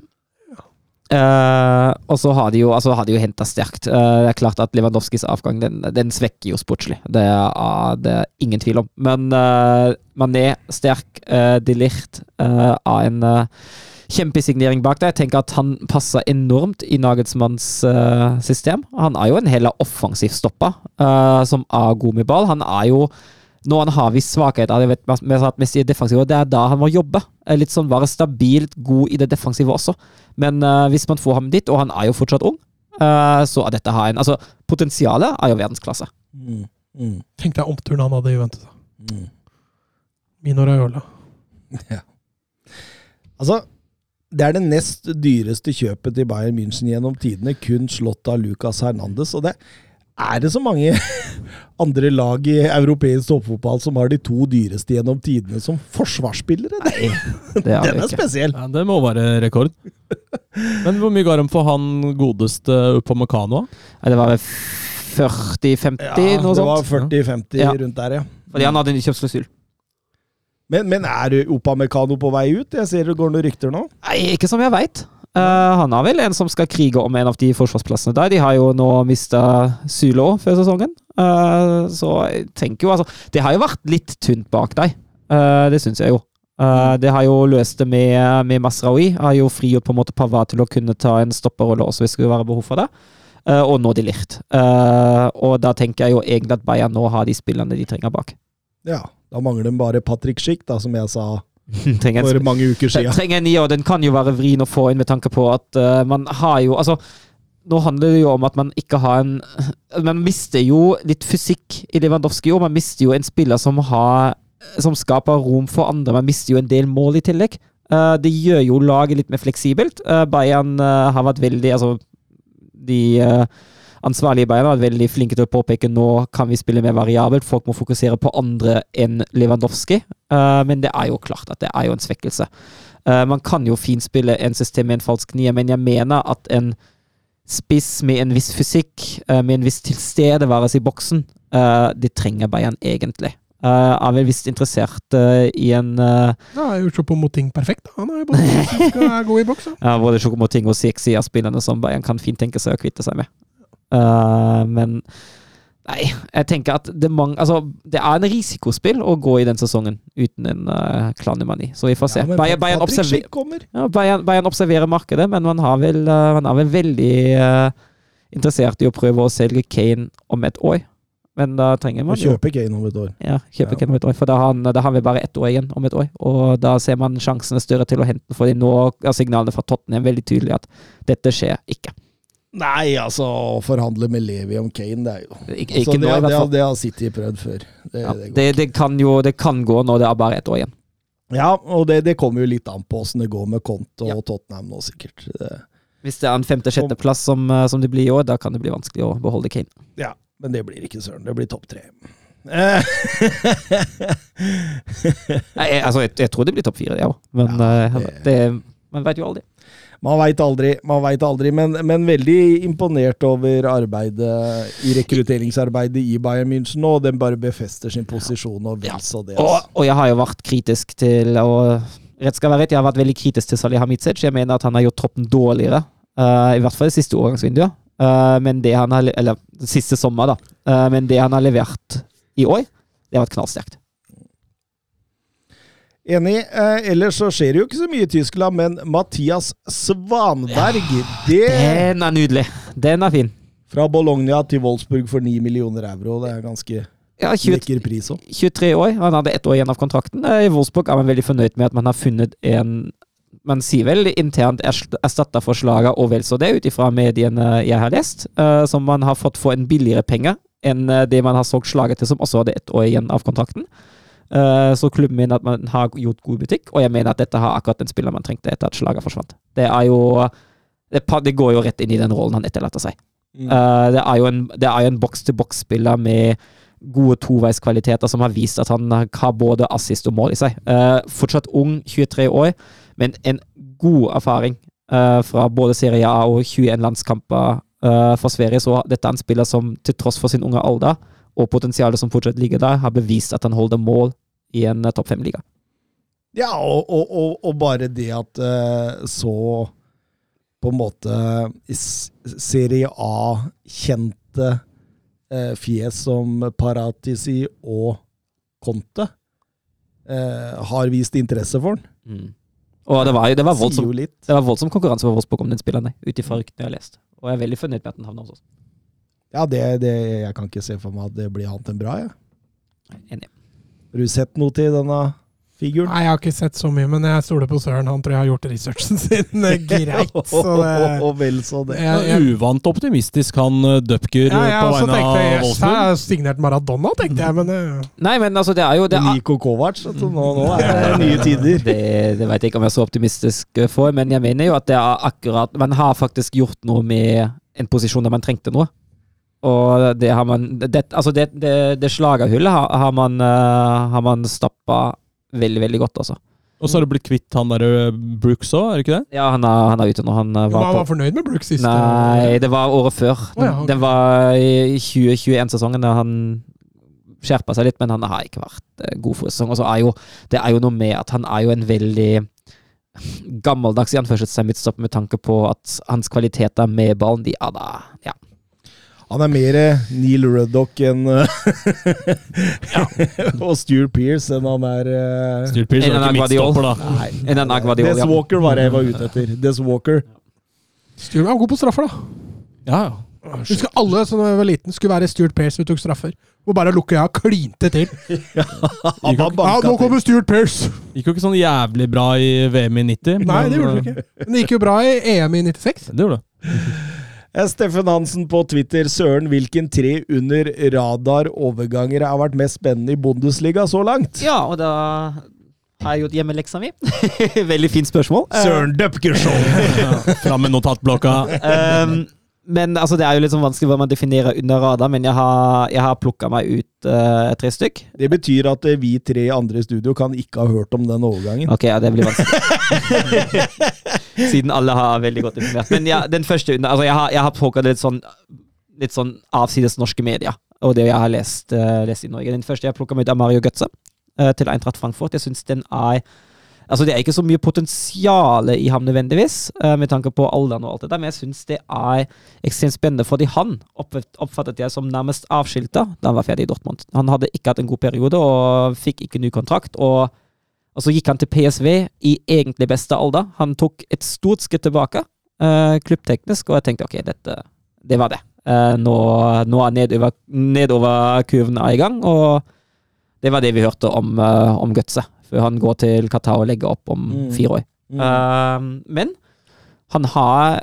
han har jo fått seg en ut, Etter sigende har fått en ny dimensjon i spillet sitt, med tanke på at han har begynt å få løpsstyrke, at han har begynt å, å jobbe litt mer grov arbeid også, Uh, i tillegg til å bare hvile seg på sine utvilsomt gode tekniske ferdigheter uh, i PSV uh, under Roger Schmidt. Og nå, at han er tilbake i Frankfurt nå Det syns jeg var spennende, for dette har jeg, jeg er veldig, veldig spent på hvordan han lykkes. Eh, for hvis han har skulle få seg en renessanse i Eintracht Frankfurt, så syns jeg det hadde vært imponerende. At han i en alder av eh, 28 år, i sin beste alder, eh, går til PSV og legger til en ny dimensjon i spillet sitt. Og kommer seg tilbake til Bundesliga og lykkes der, det hadde vært sterkt, altså. Ja, ja. Og Frankfurt kan jo vinne stort på deg. Det er jo Han koster jo ikke all verden, så det er ikke voldsomt mye risiko her.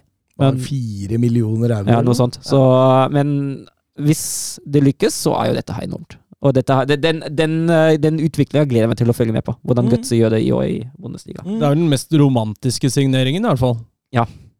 Den er VM-helten VM-helten fra 2014. Det er, det er vel eh, Det var vel var det 13. eller 14. juli. Det er ikke så lenge siden det var jubileum for det. Helt og helt ødela straffekonken. Helt greit for meg. gleder deg til den, du. Helt greit for meg. Ellers hadde jeg hatt eh, litt flere grå hår nå, så. Eh, Flere? Nei, jeg har ingen.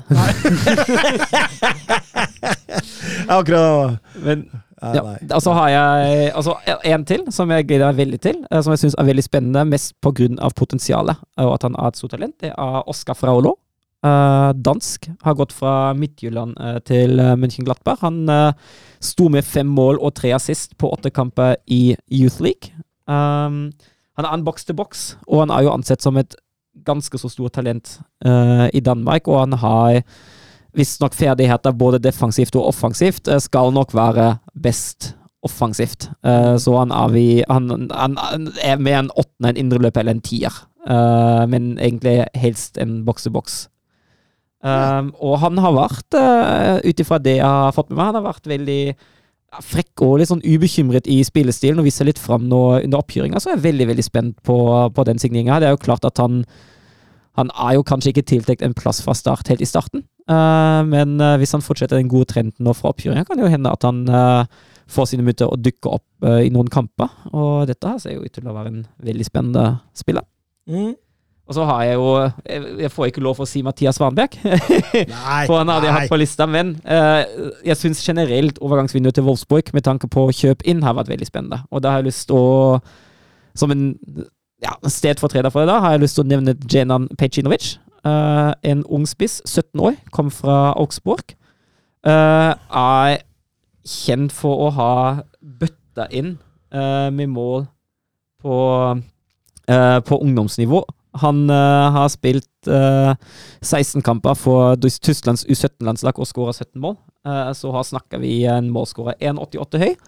Eh, kommer med en eh, viss fysikk. eh, har veldig gode avsløringsferdigheter, beveger seg eh, godt eh, i rommet. Er god i heading, kan brukes som en link-up-spiller. Eh, er atletisk, så jeg gleder meg. Altså, han er jo et stykke unna Bundesliga ennå, men uh, Wolfsburg har vært tydelig på at denne spilleren henter vi ikke for ungdomslaget. Vi henter han først og fremst for at han deltar på lik linje uh, med de andre proffspillerne om konkurransen uh, i avstanden. Og så kan han spille for U19-laget også, dersom det er behov. Så jeg gleder meg veldig til den utviklinga her. I likhet med de andre nye som har signert. Nå har han fått kontrakt til 2027, femårskontrakt, og visstnok uten utkjøpsklausul. Så dette her blir veldig spennende. Lukter Freddy Adu av de greiene der? det var det Martin satt igjen med her. Jeg hørte var 17 år, stor og sterk og skåret masse mål. En viss fysikk. Jeg tenkte Mats Granvold. jeg. Det var det jeg tenkte òg. Høres ut som meg. Så skal det jo sies generelt at jeg kunne ha nevnt en del andre spillere òg, men uh, det er de tre jeg kom fram til var for meg nå personlig de mest spennende enn så lenge. Hva med Morten Thorsby til Union? Ja, det er jo en, eh, det er jo en kul overgang, men altså, er det bekrefta? Uh, men Ja, jeg tror det.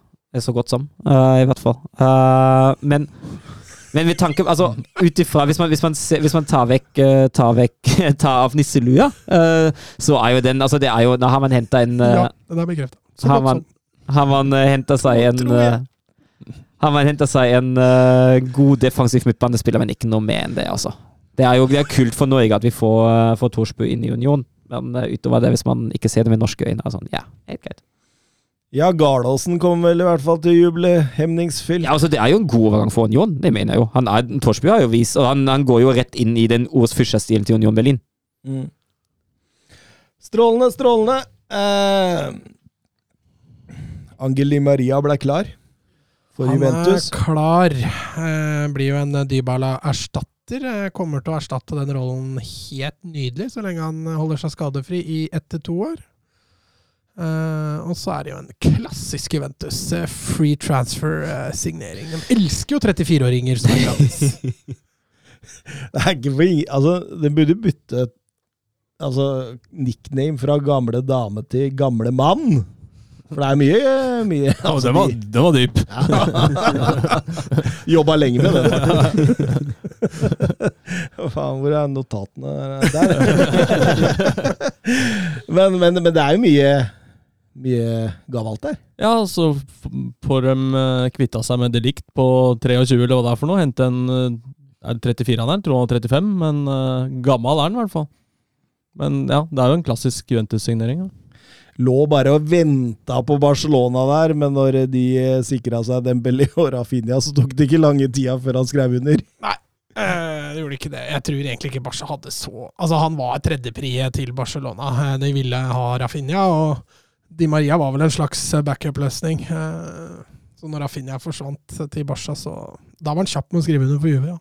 Mm. Ederson gikk fra Salernitana til Atalanta for 21 millioner euro. Her har Gasperini brukt penger. Ja, litt uvant. Det er litt uvant. Eh, Tidligere brasilianske U20-landslagsspilleren har jo gjort det strålende i Serie A, og, og eh, Ja, altså Det blei jo litt enkelt å spille seg gjennom dette Atalanta-laget mot slutten av sesongen i, i fjor. og Ja, det var vel den som kostet dem en høyere plassering òg. så, så det er jo Gasperini her som tar grep, da. En sånn energisk, hardtarbeidende, lojal midtbanespiller som tar møkkajobben. Det er jo kanskje det de trenger nå. Ja. Og så fikk Salernetina de pengene de trengte for å hente noen nordmenn. ja, for det var voldsomt der. Em, Prosjekt Mourinho. Jeg veit dere elsker å prate om det. Er Det vel er én sesong igjen, og det trofeet de vant nå, har du sjekka, dobbeltsjekka? Nei, jeg har fortsatt ikke dobbeltsjekka. Da må jeg snart gå og gjøre det. Altså, Ja, da er det krise når jeg må dobbeltsjekke nå. Men uh, jeg tror faktisk vi fikk rett med en gang, Edvardsen. Ja, og Søren må betale et eller annet. Jeg husker ikke hva vi vedda med en gang. 1-0. Var det ja? Ja. Men du skylder meg jo tre fra før for Sancho over gangen, da. ja? Vi tok jo kvitt eller dobbelt, så vi gikk i null der. Nei, nei, nei, vi gjorde ikke det. Det blir mye spoling i gamle episoder for å finne ut av dette her. Det kvitt eller dobbelt var jeg aldri med på. Men apropos gamle veddemål, hvordan går det med den sykkelturen til Sandnes? Er, det, Snakker ikke om den. er den effektuert, eller? Ja, jeg gjorde den i går. Jeg syns jeg så det her, skjønner du. Jeg tror både Thomas og jeg må ta oss en tur, da. Vi må finne en dato. Ja, jeg, må- vi må- Det hadde- det hadde vært altså, Ikke bare for veddemålets skyld, men det hadde det vært vært gøy. gøy å bare prøvd. Veit hvor langt Sandnes er? Ja, Ja. Du, du veit åssen det er å sitte på en sykkel i mer enn en halvtime? Altså Ja, men vi folk- trenger følgebil, Mats, da. Ja, jo, men og i følgebilen er det godt og varmt og koselig Ja, og, og, mykt. Uh, den rumpa mi har det fint når vi kommer til Nå Sandnes. får man mange fine elsykler, da. Det teller ikke. det tror jeg ikke. Det, det, det, nei, nei, nei, det, skal være egen muskelkraft. Hvis, hvis du kjører det dit på moped, da blir jeg skuffa. Min, min morfar på 90 år, han er elsykkel. Ja, nei, nei, nei, jeg skal slutte. eh, men eh, Dybala, var det han du skulle fram til? ja, Mourinho tette hull nå først. Seike Selik. Eh, sleit jo på høyrebekken der eh, sist sesong. Nå er den seila, og nå kommer Dybala inn sammen med Zaniolo og eh, eh, i den toeren bak eh, Abraham. Det Det, det er jo masse, er det er masse kreativitet der. Det er jo uh, voldsomt. Uh, og Så har du en Pellegrini på midten her Ja. da, som løper og og med, med tanke på at, altså, med tanke på at Mourinho beroser seg veldig mye på individuell kvalitet offensivt, er jo det en uh, strålende, strålende overgang. Det er ikke noe annet å si enn det. Nei, det, det er helt uh, vilt bra, faktisk. Og det skal sies at eh, hovedgrunnen til at han valgte Roma, Det var etter en prat med Mourinho hvor han ble overbevist, overbevist over prosjektet Mourinho har der. Ja vel. Du har fått med deg da veddemålet deres, eller? Nei, det har jeg ikke. Nei, det, det, var et voldsomt veddemål her eh, i starten av forrige sesong om eh, prosjekt Mourinho, hvor eh, det gikk på om det blei topp fire eller en stor europeisk eh, tittel. Eller en stor tittel, var det vel Mm. det var snakk om. En cuptittel. Ja. Ja. Så, så, så vant Mats, og, og Søren hadde ingen tro på Mourinho. Og da, hvis det ikke blei det, så vant Søren. Og så er de veldig uenige nå om Conference League er en stor tittel. Ja, jeg, jeg, jeg mener at vi har snakket om at den ikke jeg, jeg, vet jeg, skal, jeg skal sjekke det. Altså. Skal sjekke det. Vi, vi sa i hvert fall at uh, cupen i Italia, den husker jeg, den sa vi gjaldt. Vi sa sånne supercupgreier eller noe sånt. Uh, sånn, ja, ja, det måtte være de teller ikke. Vi sa cupen cupen i Italia var på en måte grei, da. Jeg er ganske sikker på at vi sa at Men, men, men, men er, ikke, er ikke Conference League tøffere å vinne enn Copa Italia? Jo, det er jo sikkert det. Nei, det er det ikke. Er det ikke det? Nei, men italiensk, italienske, Jo, nei, italienske det klubben din de prioriterer jo cupen ganske kraftig, da. Ja, altså, du har Juventus og Inter og Milan og sånn i den cupen. I Conference League så har du jo Marseille, skal- både, både Glimt, Lillestrøm, Jockey? Ja, men du har jo de engelsk... Hvem er det som er der fra England nå? Nå? Hvem er det som ble nummer Er sju? Westham? Nei, United. Nei, United. Nei, United spiller Europa League. West, Ja. Westham, var det ikke? West Ham. Var det Westham? Og fra Spania så ble det vel Det var ikke Sociedad og ikke Betis. Det ble det Villarreal. Jeg tror det ble Villarreal. I Tyskland er det Köln. I Tyskland er det Köln. Så det er de største utfordrerne da til i år, da. Nå skal vel Ja. Roma spille Europaligaen, da, så Mm. de skal jo ikke der, men Ja, men I fjor, jeg husker ikke kunne møtte i finalen engang. Ja. Det var Marseille Nei, Feyenoord. Feyenoord. Feyenoord var det. ja, ikke sant? Og så var det Marseille i semien, var det ikke? Feyenoord, Feyenoord slo ut Feyenoord Marseille i semien. De var det Frankfurt? Nei, Rangers? Nei. Frankfurt vant jo Frankfurt vant jo Europa League mot Rangers i finalen, ja. Mot Rangers i finalen. Tok Europaligafinalen. finalen. Magnus Reinsby, hva skjer med Serie A og nordmenn? Har vi troa? Altså, nå, bøtter det inn med nordmenn i Serie A. Vi snakker Erik Botheim, vi snakker ja, Østegård for fornya tillit i, i Serie A med overgangen til Napoli. Vi snakker at Solbakken er på vei. Vi snakker om at Solbakken? Ja, denne Bodø-Glimt-Solbakken. Å ja! Ola, ja. Selvfølgelig. Han har snakka med både Roma og Napoli nå, og kan muligens gå til en av de to. Går han til Roma, så får han jo heftig grei konkurranse om den plassen, eller? Han er jo gratis, vet du. Nei, Hvis de skal ha noe nå i sommer, så er det ikke gratis. Nei, men 1. juli så tror jeg han kunne gå gratis. Nei, han har kontrakt med Bodø-Glimt ut året. Så du må kjøpe, hvis de skal ha den nå i sommer, må de jo kjøpe den. Men han kan gå gratis. Til vinter. Til vinter. Og de har lov å forhandle med ham nå et halvt Ja. år før kontraktslutt. noe Bossmann-dommen. Mm. Men, men alle disse overgangene Emil Bohin fikk jo bli i Salernitærna permanent òg. Hva er det som skjer her nå med Serie A og nordmenn, Martin? Kristoffer Askildsen gikk jo på utlån til Salernitærna Ja, også. stemmer, stemmer. Ja, som skjer, jeg veit ikke. Morten Thorsby har vel åpna døra, da. Ja, du, du kan være inne på noe der. altså Gjennom hans enorme arbeidsinnsats så kan nok det ha kommet litt sånn, gått litt opp for alle lojale, hardtarbeidende nordmenn. at det, det kan være, men, men det er mye nedrykk her, da. Altså nedrykksstrid. Ja, men det er jo, det er jo naturlig at uh, Altså, det, det, det er veldig sjeldent at en eh, nordmann går i hvert fall rett fra, rett fra Eliteserien til en stor, stor europeisk klubb. Men Torstvedt til Sassolo, den også er spennende. Mm. Den er fin. Særlig hvis de klarer å beholde Skamakka nå. Og Berardi. Ja, Ja, Nå er så- vel ikke han rykta så mye bort, men, Nei, eh, men Skamakka er jo rykta bort til PSG og Ja. Westham. Veldig spennende hvis de beholder han da, så kan jo Torstvedt begynne å se for seg en topp 6-7. I hvert fall med det Sassolo-laget. Sånn, ja, de har jo Seide i Sassolo. Jeg så han skåra vel hat trick i den treningskampen de hadde nå. Veldig, veldig spennende, det der greiene der. Altså. Og det, jeg kan jo tenke meg at det Ståle Solbakken sitter på Ullevål og gnir seg i hendene. Det må jo bare være bra for norsk fotball at vi får flere spillere inn i Serie A. Ja, helt nydelig. Ja, så lenge de får spille, da. Det er jo en eh, Ja, og, og det, Men det har jo liksom vært litt trenden på de spillerne som har vært i Serie A den siste tida, fra Norge òg. At de har fått spille en god del. Ikke Askildsen, da. Men det blir spennende å se Botheim òg, da. Som har liksom Han har én sesong bak seg hvor han har vært god. Nå har han hatt et halvt år ferie. Ja. Mm. Den eh, overgangen der, den er jo litt også Altså eh, Krasjnodar har jo klaga dette inn. Og, og, og Uefa-komiteen har jo sagt at eh, ok, han skal få lov å spille kamper for Salernitana inntil det kommer en dom der.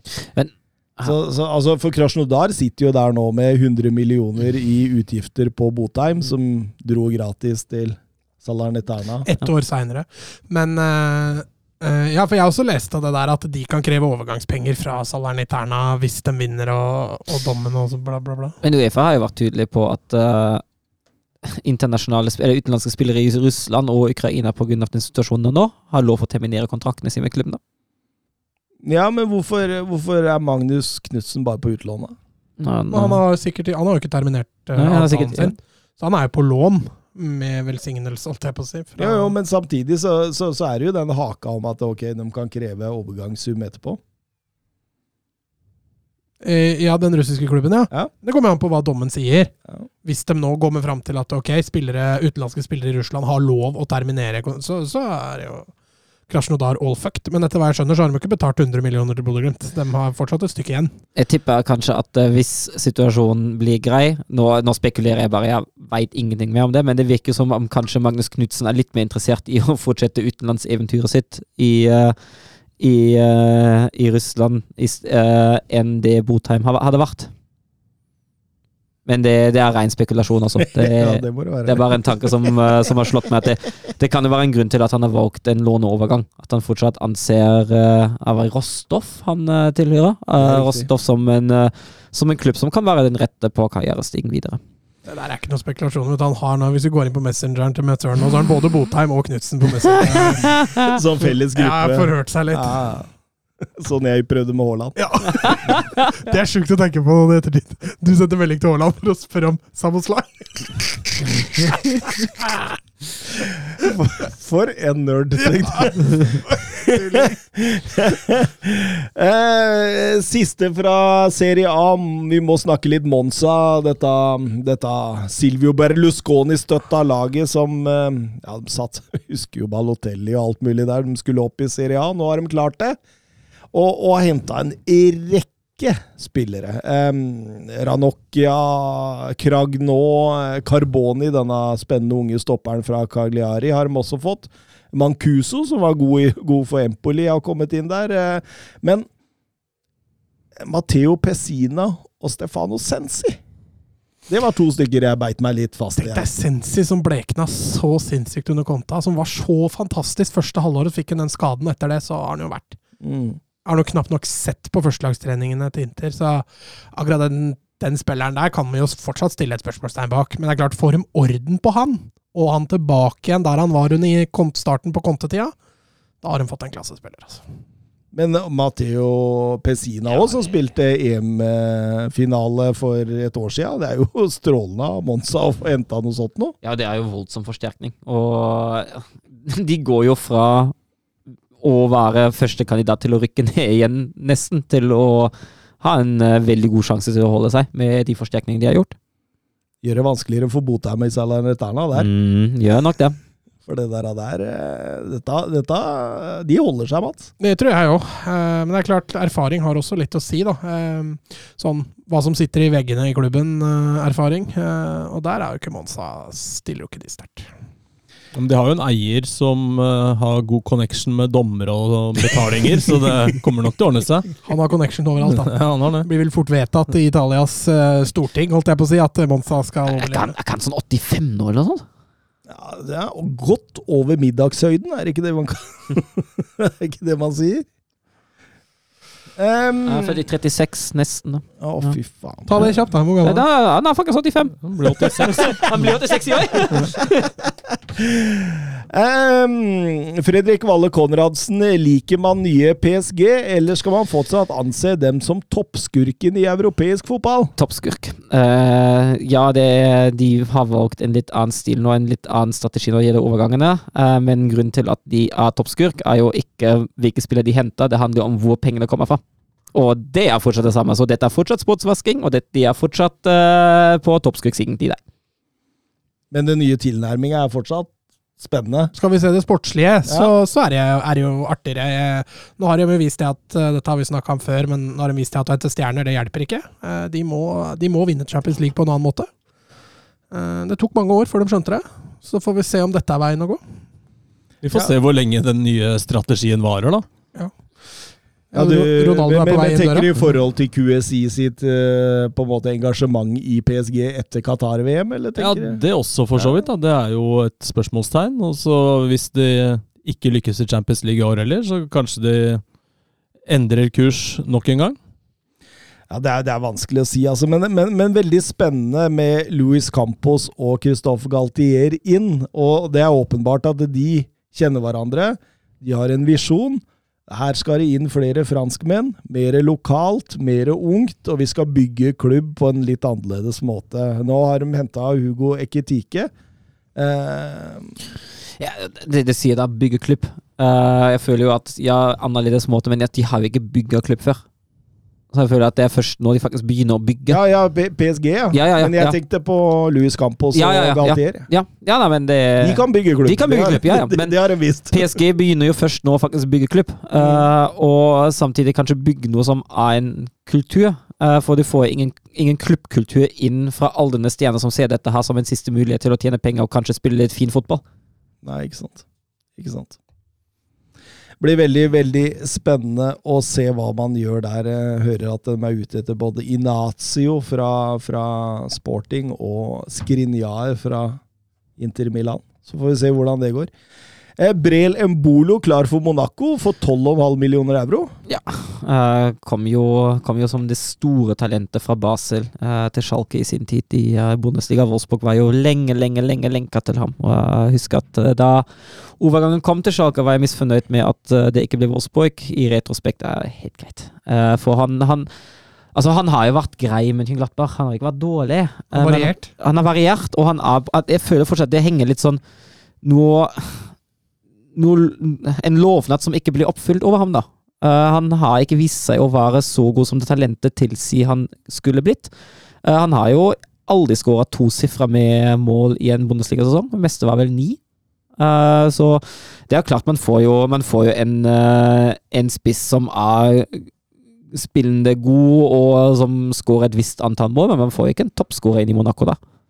Jeg tenker litt liksom sånn Galdhøpiggen til Hornindalsvatnet. Altså, det, det, er, det er så Ja. Det er Ja. så dårlig når det er dårlig, og så er det så excellent Mm. når det er bra. Det er, det er et par Bundesliga-kamper der jeg har sittet og nesten Ja. Men det, Eh, Hvorfor er han i Gladbach? Hvorfor er ikke han i ja, altså, Real Madrid? og, og så ser du tre Gladbach-kamper til, og så skjønner du ja, det er derfor. Ja. For det kommer én av fire kamper til toppnivå der, ikke sant? Ja. Helt, helt enig. Jonathan Hobber, eh, tøffe tak for Ajax, som har mista treneren og viktige spillere som Haller og Martinez ut. Eh, status rundt Ajax sin situasjon. Ja, det har kommet to spillere inn nå. Eh, Steven Beckwein eh, i Ajax og det bordet. Der rydda bordet følgen, er det søren? Eh, Owen Weindal, eh, en venstrebekk fra er spennende. har sett eh, veldig spennende 22 og allerede 104 kamper i, uh, i eres Divisjon. Og så er to spillere veldig nærme klubben nå. Eh, Brian Bobby eh, regnes med å bli offisiell egentlig hvert øyeblikk nå. Uh, og Kelvin Bessie. Uh, en Det er stopperen fra Rangers. stopper fra Rangers. Han hadde jo egentlig sitt gjennombrudd i fjor. Han spilte jo eh, 26 kamper i, eh, i den skotske toppdivisjonen i fjor. Først spilte han bare 7. Han er allerede 22, så han fikk jo sitt gjennombrudd forholdsvis seint. Uh, men dette her kan likevel bli spennende. Uh, og så er det jo klart at man må finne en erstatter til Ravenberg, Mm. syns jeg. Uh, jeg mener at det mangler en litt sånn toveisspiller sentralt. Så Kenneth Taylor signerte langtidskontrakt, da. Mm. Ja, og det er jo veldig spennende, det òg. Men han er kanskje ikke, han er ikke helt lik type som Gravenberg? Nei, jeg nei. Rykter i dag om at de har trigga utkjøpsklausulen på Francesco Concesao fra Porto. Ja, det er spennende. Den er spennende. Den er veldig spennende.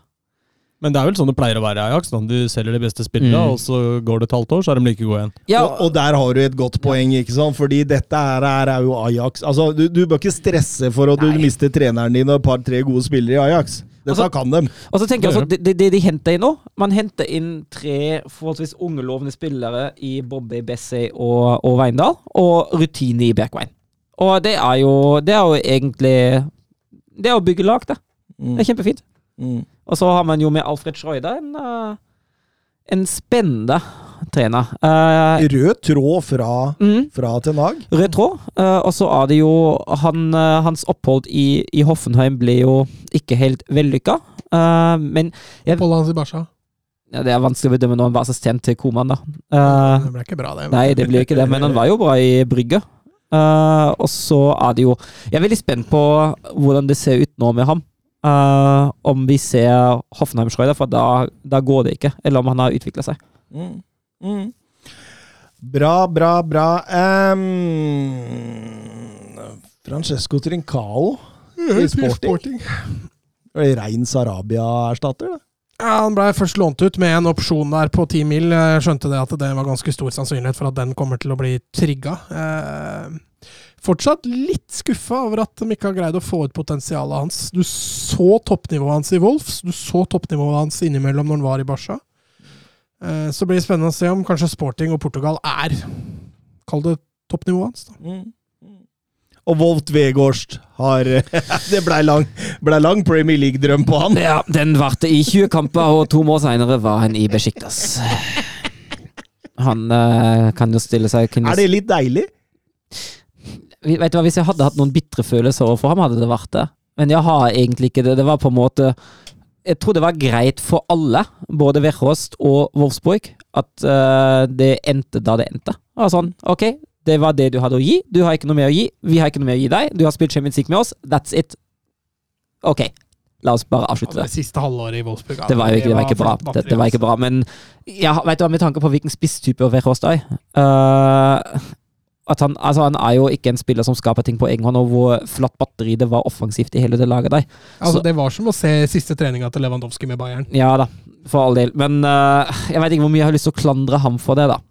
Jeg vil bare si at motivasjonen hans var ikke der, og Nei, da er tenker jeg jeg det at det, det Det er er jeg greit å skilles. Ja, ja og det, det er fair, men jeg har, altså, jeg har strengt tatt ingen vonde følelser overfor vår tre Verhorst. Han har prestert godt for klubben i en, eh, i en god årrekke, uh, og jeg ønsker ham bare lykke til i resten av karrieren.